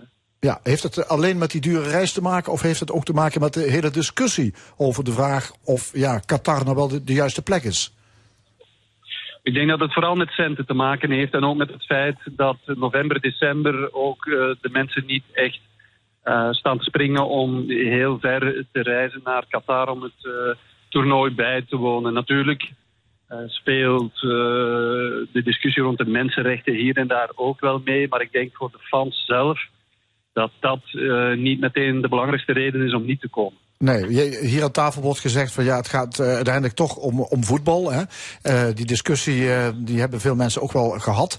hoe zit het met jou? Ja, weet je, ik heb wel, zoals ik Patrick ook hoorde zeggen, en ik heb dat al meermaals gezegd, ik heb dat één of twee jaar geleden ook al eens aangehaald, dat het WK in Qatar werd toegekend in december 2010 en in februari 2011, drie maanden later, is er een Vlaamse handelsmissie vertrokken met Chris Peters, toen Vlaams minister-president, uh, naar Qatar om contracten binnen te halen, om hier uh, van alles uh, recht te trekken en zo. Dus op dat moment, toen de politie hier waren, werd daar niks over gezegd. Ze hebben dan ook inderdaad elf jaar gehad om er iets aan te doen. En nu moeten de voetballers ineens alles gaan oplossen wat er misloopt in Qatar. Ja, dat is een brug te ver, vind ik. Langs de andere kant, het is wat het is als de mensenrechten geschonden worden, dan mogen we daar niet zomaar onze neus voor ophalen. Dat vind ik wel. Maar om de Rode Duivels nu een geweten aan te praten op dit moment en dat zij het WK moeten boycotten, ja, dat vind ik veel te makkelijk. Ja. ja anderzijds, gisteren zat ik bijvoorbeeld in het Lusail-stadion. Trouwens, een fantastische wedstrijd. Niet de wedstrijd op zich, want er was veel gebekkel en weinig combinatievoetbal. Maar uh, met Messi en het stadion, ik moet zeggen, ik doe dit nu ongeveer 20 jaar. Ik heb het nog nooit van mijn leven gezien. Maar op zo'n moment denk je dan wel van ja, hoeveel mensen zijn hier bezweken om deze gouden tempel recht te trekken. Dus dat besef zit toch nog altijd ergens in je achterhoofd. Ja, wordt het jou als uh, journalist, uh, is het moeilijk om in Qatar uh, vrij en openlijk te werken? Ik heb daar nog geen hinder van ondervonden. Nu, de FIFA is, is een machine hè, op alle vlakken. Hè, en en zo'n toernooi qua organisatie is, is alles tot in de puntjes geregeld. En, en moet je ook gewoon in de pas lopen uh, wat dat betreft. Dus uh, geen foto's in de mixzone en van die toestanden. Uh, dus elke stap die je, zegt, die je zet, die wordt wel gevolgd door FIFA. dat, dat is al meerdere toernooien zo. Ja, en heb jij ook twee apps op jouw telefoon moeten downloaden... waardoor de Qatarese overheid ook weet waar jij allemaal bent? Nee, heb ik niet moeten doen. Okay. Maar ik maak me daar geen illusies over. Uh, als de CIA weet waar ik ben, uh, dan zal de Qatarese overheid dat ook wel kunnen weten als ze willen. Ja, maar je hebt niet het idee dat je echt gevolgd wordt daar? Want als je ziet het, je merkt het niet. Nee, niet meer of minder dan thuis. Dus op dat vlak nee, doe ik wat ik denk dat ik moet doen. En heb ik ook van hieruit best wel stukken gemaakt waar ik bijvoorbeeld, ik hoorde de naam van Gianni Infantino dat hij die ook al op de korrel heeft genomen. En er is niemand die mij erover komt aanspreken. Dus. Nee. Uh, ja, vanmiddag hè, de wedstrijd België-Marokko. Uh, ja, België viel een beetje tegen in, de, in die eerste wedstrijd. Wat verwacht je nu? Mm -hmm. Um, dat het hopelijk beter gaat voor de Belgen, want het resultaat was natuurlijk wel goed. Maar het spel, dat was niet wat het moest zijn. Martinez die houdt altijd aan van, ja, eigenlijk zijn het een soort van voorbereidingsmatchen, omdat je die niet gehad hebt. Dus de groepsfase ziet hij een beetje als voorbereiding. Nu, hopelijk gaat dat goed dan. Uh, vandaag, ja, als ze winnen, zijn ze zeker van de achtste finale. En ze zijn natuurlijk favoriet tegen Marokko. Martinez heeft ook een aantal wijzigingen doorgevoerd in de ploeg. Zo komt Onana in de ploeg, Tielemans eruit. Uh, de Donker verdwijnt ook uit de ploeg. Uh, en Meunier en Torgan Hazard komen erin. Dus hij heeft toch ook wel zijn conclusies getrokken uit het mindere spel tegen Canada. Ook wel. Dankjewel, Christophe Liberlo van het Belang van Limburg vanuit Qatar. Graag gedaan. Ja, we praten in de studio verder met Patrick Delay, chef sport van de Limburger... en Jelle Kleinen, chef sport van L1. Patrick, zou jij niet in Qatar uh, willen zijn? Uh, nou ja, ik zou er best willen zijn. Uh, want ik ben er nog nooit geweest. Dus je bent, als journalist moet je altijd nieuwsgierig zijn. Dus ik zou het wel een keer willen, mee, willen meemaken. En ik moet wel eerlijk zeggen, kijk, ze hebben daar toch wel wat ook gerealiseerd. Hè. Uh, uh, dat zijn allemaal prachtige stadions die daar staan. Een stuk of acht geloof ik. Ik vraag me wel af wat er... Uh, ja, wie heeft die gebouwd? Ja, mensen die heel weinig geld verdienen. Hè, onder soms erbarmelijke omstandigheden, dat klopt. Maar ik vraag me ook af wat met die stadions gaat gebeuren na het WK. Want in Qatar is voetbal natuurlijk geen sport. Hè. Je hebt eens een competitie. Dus ik vermoed dat ze ook wel net zo makkelijk straks worden afgebroken. Ja, maar je zou er graag naartoe willen gaan. Maar je krijgt er ineens een pint. Ja, goed, ik hoef geen pen. Ik kan ook gewoon water drinken. om de om mijn vak uit te oefenen. Ja, maar de Limburg heeft geen eigen verslaggever? Nee, want we hebben ook geen enkele Limburg Sunberg natuurlijk. Is als Mark Vlek is niet geselecteerd. Ja, maar is dat ook uit principe? Nee, nee, nee. Boycott nee. en journalistiek gaan niet samen? Nou ja, ik denk van niet. Want ik denk dat je gewoon uh, daar ter plekke moet zijn om te laten zien en te laten horen aan de mensen hoe het daar is. Uh, dan kun je niet thuis gaan blijven. Ja. kijk, nu, nu, gaan wij niet, maar er zijn gelukkig wel andere Nederlandse media die daar zijn. En uh, ja, die doen zo ja, goed als mogelijk hun werk, denk ik. Dat moet ook. En dan maar de kopij van de Telegraaf. Voor ons wel, ja. ja. Um, ja, er is veel kritiek op Qatar hè, vanwege de mensenrechten, arbeidsmigranten, verbod op homoseksualiteit. Maar we importeren wel vloeibaar gas. We doen zaken met Saudi-Arabië, met de Verenigde Arabische Emiraten, met Azerbeidzjan en andere foute regimes. Jelle Kleine, is dat meten met twee maten? Ja, um, en de sport is nu de kop van Jut? Nou, sport is natuurlijk wel vaker uh, kop van Jut in dat geval. Voetbal uh, in het bijzonder, want uh, dat springt in het oog. voetbal, sport is de grootste entertainmentindustrie ter wereld. dus dat valt op. Ja, zelfs, en, zelfs, in de sport meten we met twee maten. Hè? Want kijk, in Qatar wordt ook gewoon een Grand Prix gereden, hè? Formule 1. In Saoedi-Arabië ja. rijdt de Formule 1. In Qatar zijn er, ik weet niet hoeveel tennistoernooien. Ik hoor er nooit iemand over. Er is een WK wielrennen geweest. Er is Waarom een WK handbal zou geweest. Qatar dit allemaal organiseren? Ja, om het imago op te krikken natuurlijk. Ja, want Qatar is geen sportland, dat is puur om het met imago op te krikken. En dat geldt natuurlijk voor Saoedi-Arabië, dat geldt voor uh, nog wat oliestaatjes. Kijk, ik ben er geweest in 2019, uh, trainingskamp met PSV. En uh, daar waren we uh, ruim een week in het uh, Aspire trainingscentrum. Het is een fantastische omstandigheid om daar je voor te bereiden op de tweede competitiehelft. fantastische locatie, optimale omstandigheden. Eén veld verder was Club Brugge, een veld verder was Spartak Moskou. En weer een veld verder was Bayern München. Die kwamen daar voor de tiende keer. het was 2019 geen haan die er naar kraaide. Behalve bij Bayern München. Daar uh, waren uh, los van de vaste voetbalvolgers ook uh, journalisten van Der Spiegel en andere onderzoekstelevisieprogramma's aanwezig. Omdat die de banden met Qatar onderzochten. Maar in Nederland had niemand het erover. Een jaar later gingen PSV en Ajax samen. En toen was opeens... Oh, wat is daar aan de hand? En waarom gaan ze die kant op? Kijk, voetbalclubs gaan daar naartoe om uh, zich voor te bereiden. Kiezen de beste omstandigheden uit. De omstandigheden voor de mensen daar, die daar werken, wonen, zijn niet optimaal. En je ziet als buitenstaander een soort van schijnwereld. Maar, wat de collega net aan de telefoon ook zegt... het was ook toen allemaal perfect georganiseerd. Je kunt prima werken, je wordt niet bewust in ieder geval gevolgd. Ja, en dan moet je maar een oogje dichtknijpen. Nee, je hoeft geen oogje dicht te knijpen. Want als je dingen ziet die niet aan de haak zijn... Uh, dan moet je daarover berichten, zoals nu tijdens een WK. Maar uh, je moet ook niet weg, wegkijken van de realiteit. En dat is dat uh, daar prima werken is. Patrick Delay, je schreef in je column, bitterzoet in de Limburger... hoeveel landen kunnen de morele toets wel doorstaan? Ja, ik denk van wel. Kijk, wij zijn wel heel erg, we hebben een soort van morele superioriteit, met name in West-Europa. Wij denken dat we het allemaal, uh, hè, wij wijzen heel graag met vingers naar anderen. Ik denk dat er ook in Nederland genoeg aan de hand is. En dat geldt ook voor België en nog een paar andere landen. En waarmee ik uiteraard niet vrij of goed wil keuren wat er in Qatar op dit moment gebeurt. Maar ik vind wel, heel, wij gedragen ons wel heel erg superieur. En daarom valt mij ook wel op dat hè, bij die 32 WK-deelnemers... dat er volgens mij vijf of zes zijn die ageren. En die anderen, die hoor ik niet. Dus ik vraag me dan wel af, uh, ja, hoe zit dat? Hè? Ja. Uh, hebben wij het dan allemaal beter? Hebben wij het allemaal beter voor elkaar? Kijk, wij redeneren wel altijd van ons eigen uh, uitgangspunt ook altijd. Hè? Ik hoor ook mensen gisteren op televisie... volgens mij was een reportage bij SBS6... Die hadden mensen gesproken die daar werken. Nepalese arbeiders of uit Bangladesh, ik weet niet waar ze ja. vandaan kwamen. Die mensen die waren die, die komen naar, naar, naar Qatar, omdat het in hun eigen land nog veel slechter is. He, daar, hebben ze, daar komen ze niet aan een baan. Nou, daar verdienen ze 650 euro per maand. Daar kunnen ze een gezin van onderhouden.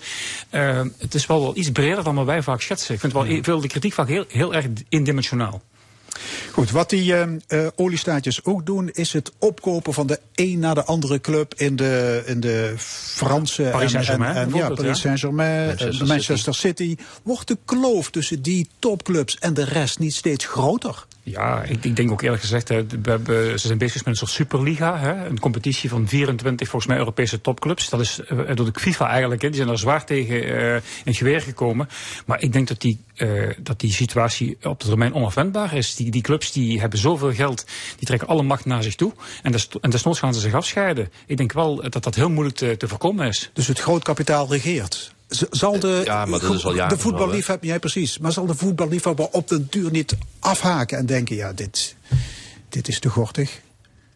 Ah, weet ik niet. Ik denk, ik dat... denk het niet. Nee? nee, ik denk dat omdat voetbal al zo lang, zo groot is, zoveel mensen ter wereld boeit, dat mensen altijd uh, of blijven kijken naar hun eigen clubje. Ja, maar het zijn altijd dezelfde clubs die de finale van de Champions League spelen. Ja, ja maar goed, maar waar, waar hebben kinderen het in Nederland over? Kinderen hebben het over Ronaldo, kinderen hebben het over Messi, kinderen hebben het over Mbappé.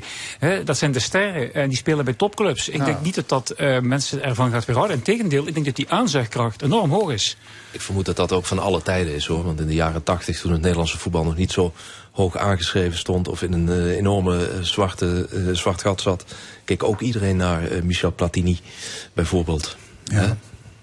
Goed, ik heb trouwens tot nu toe nog weinig sprankelende wedstrijden gezien. Ja. Jullie? Nee, heel nee, weinig. Ik, ik, denk dat het wel een beetje te maken heeft met de groepsfase. Hè. Ik denk dat veel landen toch nog vooral wil, niet willen verliezen hè, in die eerste wedstrijden. Hè. En als je al meteen begint met een nederlaag, dan hypothekeer je je kansen hè, op kwalificatie. Ik hoop dat het straks richting de achtste finales, als het om directe uitschakeling gaat, dat we dan wat meer spektakel gaan krijgen. Je ziet ja. het nu al in die tweede ronde, uh, in die tweede ronde van de groepsfase. Dat sommige landen moeten. Hè. Argentinië moest gisteren tegen uh, Mexico na die, na die verrassende nederlaag tegen Saudi-Arabië. En dat is dan ook wel weer het leuke van die eerste mm. ronde. Het enthousiasme van Canada tegen België. Het, uh, de, de overwinningen van Japan op Duitsland. Van uh, Saudi-Arabië op Argentinië. De, de underdog komt daar dan ja. misschien eenmalig naar boven. Uh, dat maakt het heel erg leuk. Maar gisteren stonden de grote mannen op. Messi was er. Mbappé. Mbappé was er. Lewandowski maakte zijn eerste doelpunt op een WK. Was ja, enorm ook, blij mee. Wat je ook al hebt bij landenvoetbal is het vaak veel moeilijker om echt goed voetbal te spelen. Hè? Want die mannen komen natuurlijk vlak voor zijn WK bij elkaar. Kijk, in, in een clubverband, dat, dat train je maandenlang hè, met dezelfde selectie. Manchester City, hè, Guardiola, dat is een geoliede machine. Dat, dat niveau is bij een landenteam heel moeilijk te halen, denk ik. En dat is hier bijvoorbeeld bij het Nederlands elftal een groot probleem. Uh, eigenlijk zijn ze nu in de voorbereiding. Normaal gesproken zit er vier weken voorbereidingstijd aan een groot toernooi. Nu was er twee dagen. Heren, hartelijk dank. Chef sport Patrick Delef van de Limburger en onze eigen Jelle Kleinen. Dank jullie wel. Graag gedaan.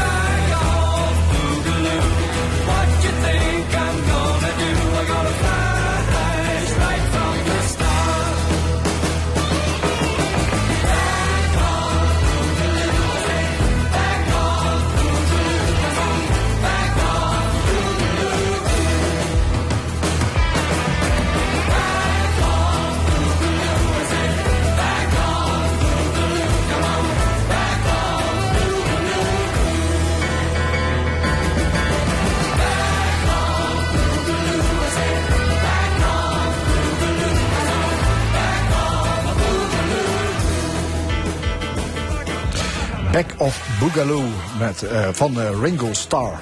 Zo dadelijk discussieert ons opiniepanel over de bonussen voor de DSM-top en andere actuele onderwerpen. Maar eerst dit. De column. Vandaag met Jos van Wersch. Naast een mandje met gras en truffels zit in het kerstpakket van 300 DSM-managers dit keer niet alleen de gebruikelijke eindejaarsuitkering, ook een cheque ter waarde van 97.000 euro. En wie nog hoger in de boom zit, toucheert een fusiebonus van bijna 1 miljoen. Dat nieuws was nog geen vijf minuten oud, of de vakbonden schoten al in de gebruikelijke kramp en trokken, zoals altijd, de kaart dat DSM groot is geworden over de ruggen en silicoselongen van de kompels. Net als verleden jaar, toen ze in Parijs over de rode gingen, omdat DSM liever kantoor houdt in het mondaine Maastricht dan in het arbeideristische Heerlen. Kennelijk willen we het in Limburg maar niet accepteren dat het DSM, zoals we dat kenden, niet meer bestaat. Het DSM van nu speelt Champions League en maakte verleden jaar een winst van 1,7 miljard euro. Een verdriedubbeling ten opzichte van het jaar daarvoor. DSM zegt het nog net niet hardop, maar het heeft gevoelsmatig al lang afscheid genomen van de regio waar het sinds 1903 de steenkolenmijnen beheerde. Het is dat Limburg de mooiste provincie van ons land is, anders staat DSM al lang op de Zuid als in Amsterdam. Laten we vandaag in dit programma DSM als Limburgs bedrijf officieel ten grave dragen. Binnenkort fuseert DSM met het Zwitserse concern Firmenich en dan telt 28.000 werknemers wereldwijd. Daarom hebben er nog amper 700 een rechtstreeks lijntje met Limburg. Dat is minder dan 2,5 procent. Daar blijft het niet bij. De twee hoogste bestuurders van DSM maken komend voorjaar hun laatste chic in Heerlen, alvorens hun kantoor en villa te betrekken vlakbij het meer van Genève. Op dat moment is DSM zelfs geen Nederlandse, maar een Zwitserse onderneming, met als gevolg dat DSM het predicaat koninklijk verliest. Maar dankzij een kerstpakket met pecunia non olet moet zelfs daar na loop van tijd overheen te komen zijn. Zo verwachten de DSM-managers. De moraal van het verhaal. Een fusiebonus die kan oplopen tot 1 miljoen euro past naadloos bij het beurslieveling DSM. Net zoals het gezegde, geen geld, geen Zwitsers. Een uitdrukking die ook wordt gepraktiseerd door het wonderkind Ralf Hamers uit Simpelveld, die bankair asiel vond in Zwitserland. Ik zelf koester, als romanticus, het DSM waar Limburg trots op was. Net als ooit op het bier uit Wilree. De column van Jos van Wersch. Laatste onderdeel van de stemming is het discussiepanel. Drie opiniemakers bespreken het nieuws van de week. Vandaag over de DSM-bonus, de aanpak van stikstofvervuilers en de reclameslogan van Gulpener. Ik heet van harte welkom communicatieadviseur Geert van der Varst, docent Luc Wienans en headhunter Wim Haan. Ja, laten we hem even doorgaan. Stel ik voor over die DSM-bonus. Uh, veel besproken en iedereen vindt er natuurlijk wel wat van. Um, maar de vraag is, ja, uh, even kijken, de, de, de topmanagers die krijgen dus die bonus. Uh, want ze zouden een cruciale rol hebben gespeeld in die fusie met Firmenich. 300 managers die krijgen een ton en de zeven hoogste directeuren samen zelfs 6 miljoen. Is dat uit te leggen? Uh, Wim Haan, jij bent um, recruiter. Ja. Jij zoekt mensen in het, uh, in ja. het topsegment. Ja. Dus, um, topbeloning, hè? Topbeloning, Topbeloning voor ja. een bijzondere prestatie dan. Ja. Nou, le Ja. leg eens uit. Waarom? Ik, weet, ik, ik kan het niet uitleggen, omdat ik niet gewoon alle informatie heb. Maar eh, we schieten meteen in de kramp omdat er een eh, belangrijke fusie plaatsvindt. En een zekerheid plaatsvindt van een organisatie die heel toekomstbestendig is. En enorme winsten in de toekomst zal maken. Dat is althans wat ik lees over een aantal zaken. En er vinden een aantal bonussen plaats van mensen die zullen gaan vertrekken omdat er geen plek meer is. En ik denk dat er nog ook wel wat voor het personeel plaatsvindt. Maar wij, eh, ik zou wel eens willen weten wat die topprestatie van die managers dan is geweest. Of dat van tevoren afgesproken is of niet. Of dat dat een douceurtje is van, oh we hebben geld over, dat gaan we maar op die manier verdelen. Als dat laatste het geval is, heb ik er heel veel problemen mee. Ja, want het gaat om 300 mensen. Nou weet ik niet hoeveel mensen echt zich het uh, vuur uit de slof hebben gelopen voor die fusie. Maar kunnen dat er 300 zijn geweest? Nee. Lienans? Nee, nee, ja goed. Kijk, We hebben natuurlijk, en dat was terecht een opmerking ook van de columnist, uh, dat DSM van Limburg, dat is er niet meer. Hè. Het is een internationaal conglomeraat van allerlei bedrijven die het kennelijk erg goed doen. Slechts 5% van die uh, miljard omzet die in het eerste half jaar gemaakt werd, slechts 5% daarvan is dankzij uh, hun aanwezigheid in Limburg. Ja. Dus dat brengt ons wel terug op de plek. Hè, zo van, van, wat kunnen wij daar nou van vinden? Ja, er werken wel nog 700 mensen hier ja, voor zeker. En, uh, en dan kom je eigenlijk op de, op de, de lijn van, ja, wat, wat vind je nou van dit soort bonussen? Uh, ja, dat is natuurlijk buitensporig. En hoe dan ook. toen straks heb ik Tof Tissen ook in dit programma horen zeggen, geen enkele directeur kan iets doen zonder al zijn personeel, zonder al zijn mensen. En ook dit is uh, onmogelijk te presteren. Ik ben er niet bij geweest, maar ik durf dat met zekerheid te zeggen. Als niet al die mensen bij DSM daar hun rol in vervullen.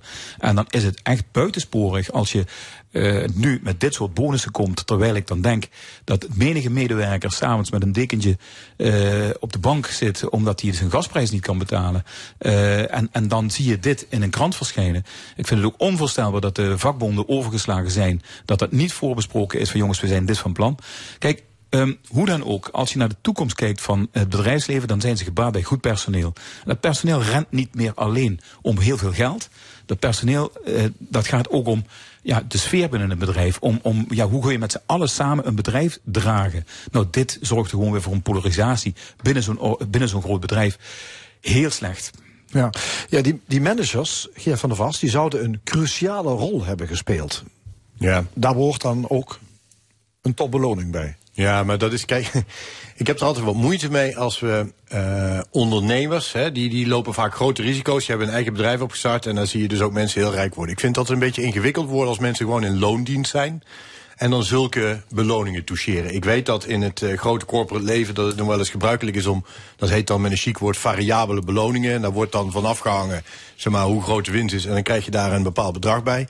Maar ik vind het, net als de voorgesprek, het is een beetje saai onverteerbaar om uit te leggen dat er dus inderdaad mensen thuis zitten die gewoon moeite hebben om de energierekening te betalen. Uh, en dat die daar niet op een dergelijke manier van uh, mee zouden profiteren. Ja, 300 managers die een enorme bijdrage aan de fusie hebben geleverd. Dan vraag ik me wel af wat die 300 mensen dan precies hebben gedaan. Dat, dat vind ik namelijk best wel een fors aantal. Nou ja, ik moet zeggen, eh, mij riep het ook het beeld op van uh, in 2009 is er een einde officieel gekomen aan de Sphinx. Twee jaar daarvoor werd er een gloednieuwe fabriek, de meest moderne aardewerkfabriek uh, hier in Maastricht geopend door koningin Beatrix. En wij dachten nou, nu zijn we zeker, we hebben die werkgelegenheid kunnen behouden. Had heel veel geld gekost van de overheid. En twee jaar later gaat het dicht.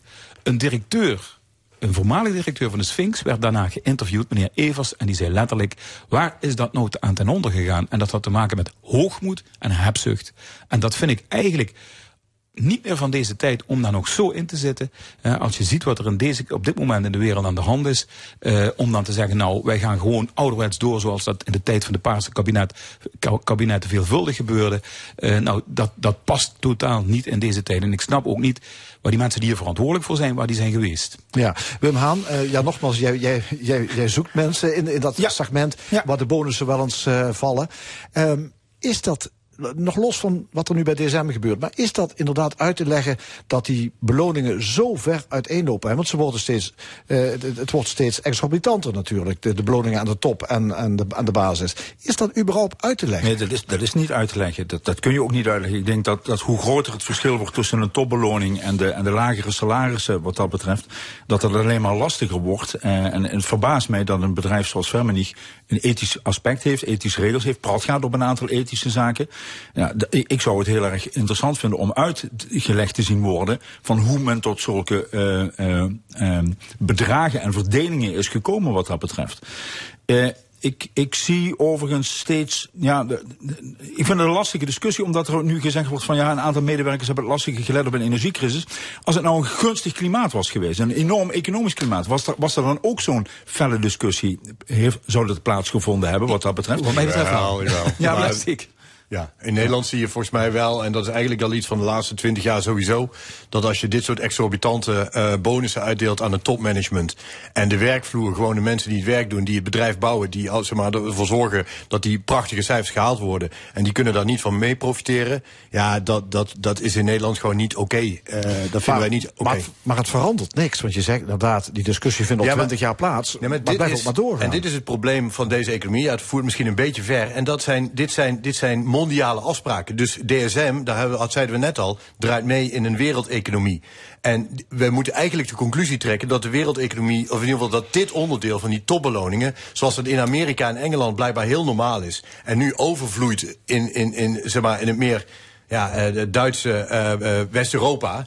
Ja, dat, daar kunnen wij, dat vinden wij gewoon niet oké. Okay. Daar gaan wij niet akkoord mee. En dat zouden we eigenlijk wat harder moeten zeggen. En ook de managers van DSM zouden moeten zeggen... eigenlijk, zeker degenen die, laten we zeggen, politiek actief zijn... zouden moeten zeggen, in Nederland doen we dat niet zo. Nee, want dat is interessant wat jij nu opmerkt. Uh, Edith Schippers ja. is uh, natuurlijk uh, directeur van DSM, president moet ik zeggen. Die gaat de Eerste Kamer in ja. voor de VVD. dus een politica die dadelijk nou ja, over heel veel zaken gaat meepraten. Maar ze heeft ook haar handtekening gezet onder deze topbonussen. Nou, en het is zelfs zo dat ook gevraagd is door journalisten van... goh, mevrouw Schippers, krijgt u ook iets? Uh, nou, daar blijft het helemaal stil. Ja, en, uh, ja goed, dan weet je ja, natuurlijk... Wat genoeg. denk je zelf? Zij is de president Precies, van de ja. club. Kijk, het punt is, en dat vind ik gewoon zorgelijk... dat mensen die zo'n grote verantwoordelijkheden dragen... om dit soort bedrijven uh, ja, te laten draaien... dat je op een bepaald moment echt denk van... Goh, nou, onze lieve heer, die moet mij hier toch wel gebracht hebben. En, en het kan niet genoeg zijn wat ik daarvoor krijg. Dan, dan, ben je niet meer, dan sta je niet meer met twee voeten op de grond. En dat vind ik zorgelijk. Ja, maar kun je ja. zeggen dat dit soort multinationals zich niks aantrekken van alle maatschappelijke commotie? Zoals DSM zich ook niks heeft aangetrokken nee, zij, van die verhuizing van Heerlen naar Maastricht. Zij zullen zeggen, die, nee, want zij opereren in een, in een soort ander type omgeving. Dat onttrekt zich inderdaad aan het, aan, het, aan het klimaat waar ze eigenlijk, of de maatschappij, de samenleving waar zij in functioneren. En zij denken, ja, maar deze regels gelden niet voor ons, want wij zijn een internationaal opererend bedrijf. En dat is gewoon onzin. En dat had ook mevrouw Schippers moeten weten. Daar had ze ook moeten opereren. Zij gaat straks, ze wordt genoemd als opvolger van, van, van de premier. Ja, ik hoop toch echt dat wij, als het al zo zou komen, niet mijn voorkeur, uh, als het al zo zou komen, dat ze toch iets meer voelspriet heeft voor de samenleving. Nou, we, laten we het omdraaien. We hebben dus ooit een premier gehad die van PvdA afkomst was. Ja. En die is naar de rand commissaris geworden. En daar hebben we ons over verbaasd over wat voor een goedkeuring hij gaf. En een aantal beslissingen waarvan ik denk van die staan wel heel ver van het PvdA gedachtegoed af. Ja, en daar is dus ook heel veel kritiek op gekomen. Ja, je hebt het over Wim Kok, hè? Zelfs ja, de vakbondsverleden. Excessieve ja. zelfverrijking, ja. dat waren ja. toen zijn ja. woorden. En daar is dus ook binnen de partij is daar heel veel discussie over geweest. Van ja, is dit wel. En het gaat, waar, waar het mij om gaat, is dat je die discussie dus met elkaar kunt voeren. En dat kritische gesprek. Maar nu, mevrouw Schippers precies, die zegt gewoon helemaal niks. Nou, ik ben, ik ben nog wel benieuwd of er niet een uh, forse nabrander gaat plaatsvinden voor het personeel. Want volgens mij is er nog onvoldoende duidelijk over wat er plaatsvindt. En dus een van de zaken is dat een aantal uh, managers. Uh, en managers vind ik het, het meest lastige woord. Ik zou het hebben over leiders willen hebben, echt leiderschap. Dan krijg je een heel andere discussie.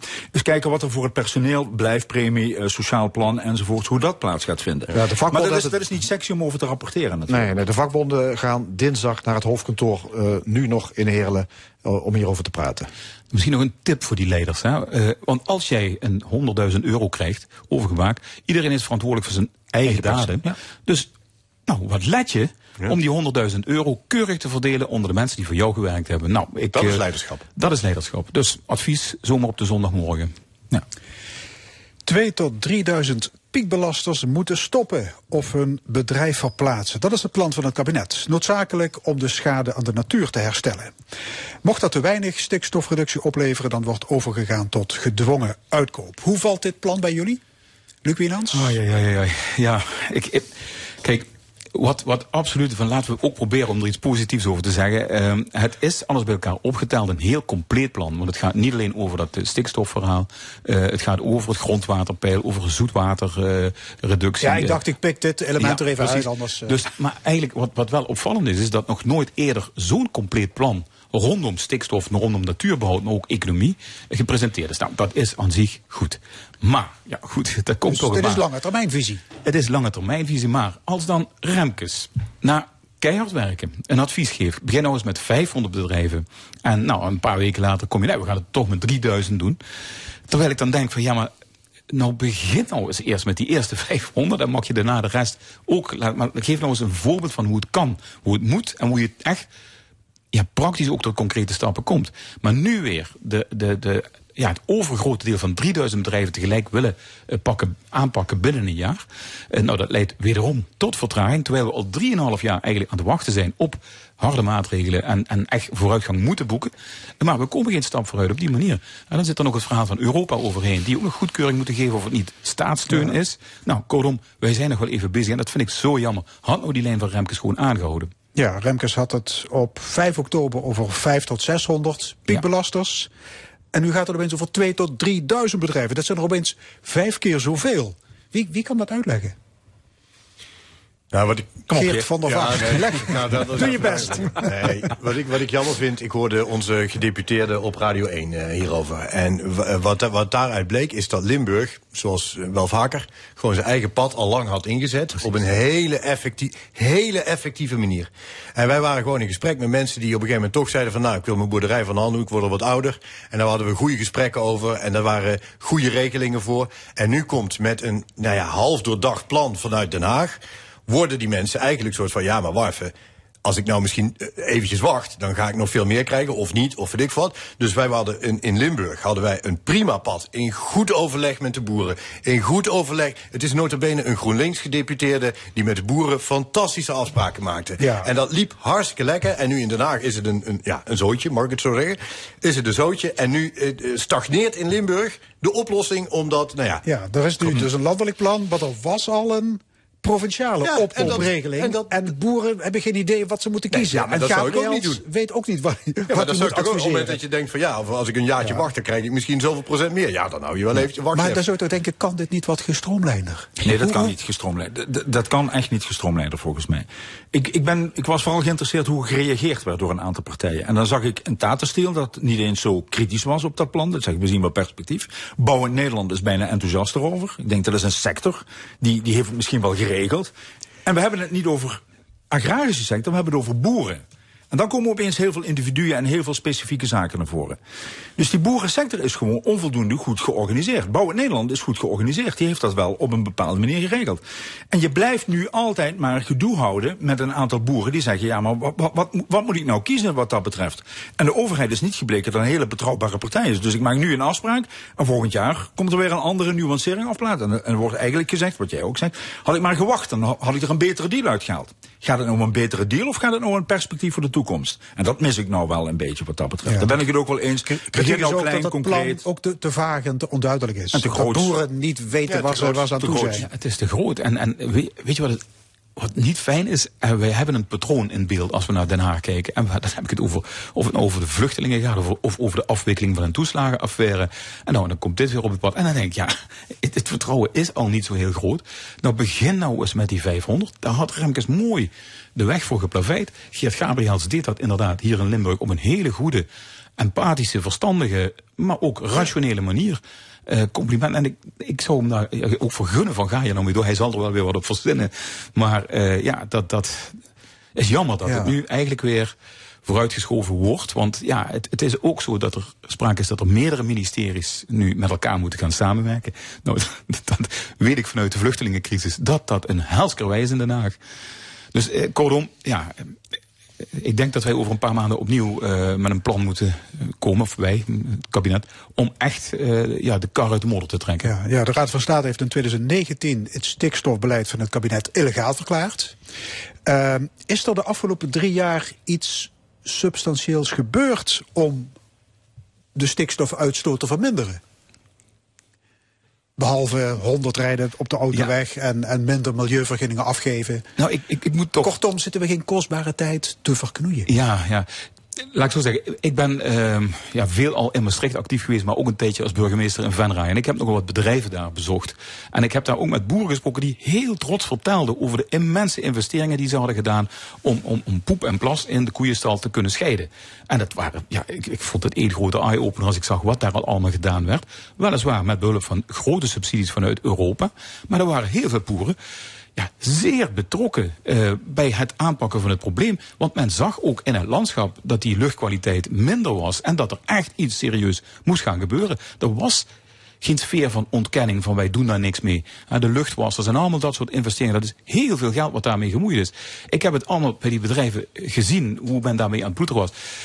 Ja, en, en dan is het, uh, als je nu vraagt van ja, hoe, hebben we dan helemaal niks gedaan? Nou, gelukkig op initiatief van de agrarische sector is er wel degelijk een hoop gebeurd, maar nog lang niet genoeg. En, en, en dat is waar we nu voor staan. En waar ook dit beleid dan omroept van het moet radicaler. Ja, dat snap ik, maar daar heb je wel draagvlak voor nodig. Wim, missen wij niet ergens de, de, harde urgentie van iets om dat, om dat op die manier te doen? Als er urgentie is, dan, dan, dan worden een aantal zaken opeens wel vloeibaar en dan gebeuren er wel een aantal uh, aspecten. En ik mis hier eigenlijk wel de harde urgentie.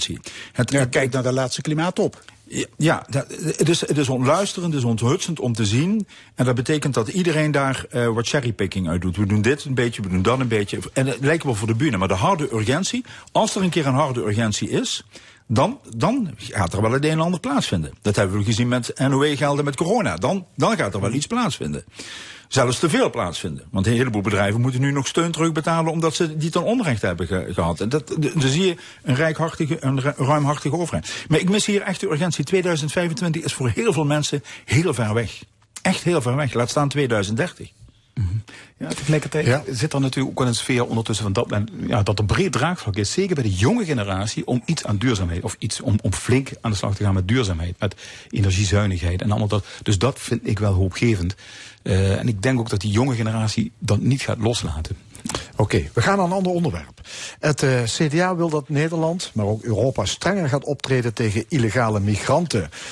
Anders staan we machteloos tegenover mensensmokkelaars en autoritaire regimes. Zo luidde de opmerking deze week. Uh, het CDA denkt bijvoorbeeld aan een fysieke grens rond Europa met meer grensbewakers van Frontex en dergelijke. Uh, ik ben ons, ja, kom weer bij het CDA uit. Nou, wat, wat, vind je van, van het plan van jouw partij? Nou, ik, ik vind het in ieder geval heel goed dat er eindelijk alle zaken op een rij zijn gezet. Uh, om, om te kijken van ja, hier moet echt ook een draai gemaakt worden in het beleid. Overigens, het is niet alleen het CDA, het zijn bijna alle partijen. VVD ook, natuurlijk. Uh, ja, is, ook ChristenUnie zelfs. En dat vind ik ook toch een, een, in die zin een opsteker van... jongens, het wordt toch tijd dat wij uh, gaan nadenken van om ja, om de boel weer in de klauwen te krijgen. Hè? En het begint natuurlijk, als je vraagt, hebben we het in de hand? Ja, nee, natuurlijk niet. Op het moment dat mensen in Ter Apel buiten moeten slapen, nou ja, voor een nacht, dan kun je dat nog in Nederland uitleggen dat dat gebeurt. Maar al zo lang dat is schrijnend. Maar is dan een, zal maar zeggen, meer bewaking aan de Europese buitengrenzen en zelfs grenscontroles langs de Nederlandse grens? Um, is dat de oplossing? Nou, het is een optelsom van een hele hoop zaken. En eigenlijk moet je als Nederland, wat Nederland betreft, de lijn uitzetten van het gaat primair om integratie van de mensen die al binnen zijn. Zorg daar goed voor, want die mensen zijn hier te gast. Maak je er hard voor met z'n allen, alle gemeentes in Nederland, om die mensen op een fatsoenlijke manier te laten integreren. Maar er zal wel inderdaad in Europa iets moeten gaan plaatsvinden aan die buitengrens.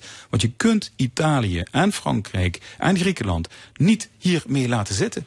De situatie is onhoudbaar. Het is schrijnend uh, in die vluchtelingenkampen, daar zeker ook in, in, in Griekenland, wat daar aan de hand is. En wij kunnen daar de ogen niet voor sluiten. Dus wij moeten op Europees niveau uh, heel slim beleid en een sterk beleid uh, ontwikkelen. Ja, en slim beleid is onder andere dus betere grensbewaking. Geert van der Vast, uh, was, zie je er eens in? Ja. Ik, uh, ja, ik even een, even een zucht, want ik, ik word hier toch wel een beetje moedeloos van, eerlijk gezegd. Ik, twee dingen. Eén, uh, de belangrijkste manier om ervoor te zorgen dat mensen niet naar Europa komen, en dan heb je het over fysieke grenzen. Toen Trump een muur wilde bouwen, waren we hem allemaal uit en lachen. Uh, de enige manier dat mensen niet uh, naar Europa een beter leven willen opbouwen... is ervoor zorgen dat mensen het daar uh, zo goed mogelijk hebben. Daar hebben wij ook een verantwoordelijkheid. Maar wat ik het allermoeilijkste vind in deze discussie is als je de afgelopen twintig jaar kijkt naar instroomcijfers van mensen uh, in Nederland. In Nederland. Dat is niet fundamenteel veranderd.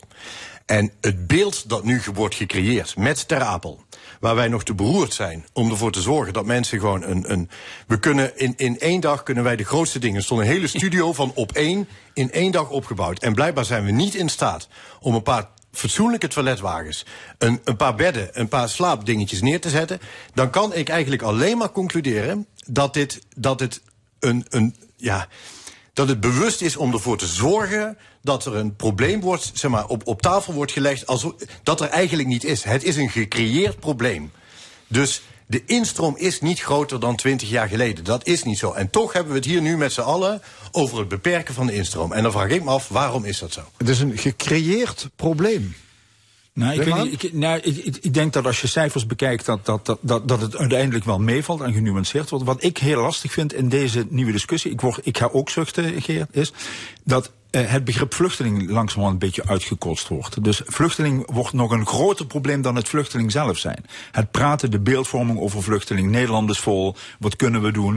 Uh, de ruimhartigheid die we aan de ene kant hadden met de Oekraïners en met de andere kant dat, dat Syriërs gewoon anders benaderd worden enzovoort. Wij zijn niet vol. Wij kunnen toch als Nederland, als een welvarend land, kunnen wij een aanpak regelen om nog beduidend veel meer vluchtelingen hier op te nemen op een fatsoenlijke manier dan nu plaatsvindt. Dat bedoel ik. Ja. Ja, wat, wat ik trouwens niet begrijp, Luc Winans. Uh, in uh, het CDA-plan wordt ervan uitgegaan dat we illegale migratie willen stoppen. Mm -hmm. Elke vluchteling is toch illegaal zijn land uitgegaan. Dus, want dat is ja, het kenmerk maar, van een vluchteling. Nou, maar de, de, de, het verhaal erachter is dat wij ook bijvoorbeeld mensen uit zogenaamde veilige landen, ik noem maar eens even Marokko, uh, hier de grens over zien steken en dan zeggen ik ben vluchteling. Nou, en dan uh, kom je in een situatie dat je kunt zeggen: nee, nee, we hebben afspraak, uh, afspraken met elkaar van wat veilige en niet veilige landen zijn. En zo wordt er een grens getrokken. En het verhaal is dat met name die mensen die teruggestuurd moeten worden, omdat ze eigenlijk uit een veilig land komen, omdat ze eigenlijk alleen maar als economisch voordeel uh, deze kant op komen, dat die hier, dat duurt heel erg lang die zorgen voor een hele hoop overlast in heel veel steden, in heel veel dorpen. En, nou, en dan verlies je ook draagvlak. Dus daar moet je veel strenger in, in, in, in opereren en zorgen dat het kaf van het koor gescheiden wordt. Om ook het draagvlak voor een fatsoenlijke opvang van vluchtelingen, om dat er wel in te houden. En uh, ja, ik, heb het inderdaad in die tijd ook meegemaakt in, in Venray met de opvang van vluchtelingen. Het waren met name de jonge uh, vluchtelingen die ja, voor ongelooflijk veel gedoe zorgden. En uh, de politie had daar de handen aan vol om dat ja, te begeleiden. Maar het duurt een eeuwigheid voordat je ze kunt terugsturen. Maar dan vind ik dus ingewikkeld dat de partijen die nu moord en brand roepen... ook al tientallen jaren aan de knoppen zitten om deze afspraken te kunnen maken met de landen om daar gewoon ja, een goede regeling voor te bedenken. Dus ja. nu ben je moord en brand in schreeuwen, terwijl je eigenlijk al na hele lange tijd daadwerkelijk iets had kunnen doen om de brand te blussen. Goed, dan uh, uh, nog een ja, uh, actualiteit als brandblusser. Ja. Bierbrouwerij Gulpener heeft een nieuwe reclameslogan bedacht. Die luidt als volgt. Gulpener, het bier dat trots op Limburg is. En daar komen ze mee op de proppen. Twee maanden na het nieuws dat brand uit Limburg zal verdwijnen. Wat vinden jullie ervan? Magistraal. Ja, in één woord magistraal. En ja. ook heel erg typerend voor een beetje dat kleine. En de ondernemer, vind ik, eh, die daarachter zit. Uh, eigenlijk had ik niet anders verwacht. Ik had het gehoopt. Ik vind het echt magistraal. Ja. Echt magistraal. Wat wel aardig is, dat is meneer Rutte inderdaad, ja. de ondernemer. En uh, die heeft vorig jaar van Koningin Maxima een prijs gewonnen voor duurzaamheid. Nou, ook het recyclen van een hele goede slogan, nou, is wel een vorm van duurzaamheid, toch? Of niet? Recycling of plagiaat? nee, ik, vind het, ik vind het een hele leuke creatieve vondst. Ja, ik, ja. Want voor de mensen die het niet weten, de reclamespreuk van Brand was... het bier waar Limburg trots op is. Ja, ja, dat is de arrogantie. Ja, dat is Heineken heeft hier wel echt een serieuze fout gemaakt. Hè? En ik, ik wist, ik zat in de auto hier naartoe en ik vroeg me af hoeveel ik uh, mag hoe heet het, loftuitingen mag doen over Gulpener. Want hè, of ja. we niet in de problemen komen met uh, de, de, de codecommissie. Maar wat een sympathiek, fijn bedrijf is dat. Ze, ze, ze, ze, zijn, ja. ze hebben heel veel aandacht voor de leverants, of hoe heet het, de, de boeren waar ze van afnemen.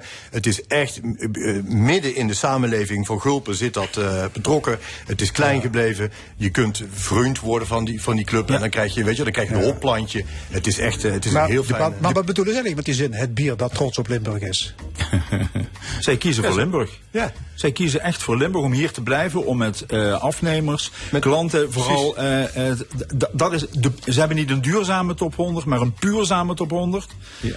En ze betalen geen bonussen, maar flesjes bier. Zo is het. Hartelijk dank, discussiepanel. Vandaag met Geert van der Varst, Luc Wienans en Wim Haan. En dit was de stemming, vandaag gemaakt door Tino Hollewijn, Fons Geraerts en Frank Ruber. Graag tot volgende week zondag, 11 uur. Dit programma is na te beluisteren op onze website l1.nl. En zo meteen op deze zender Paul Versteken met zijn zalige zondagmiddag. Tot de volgende keer.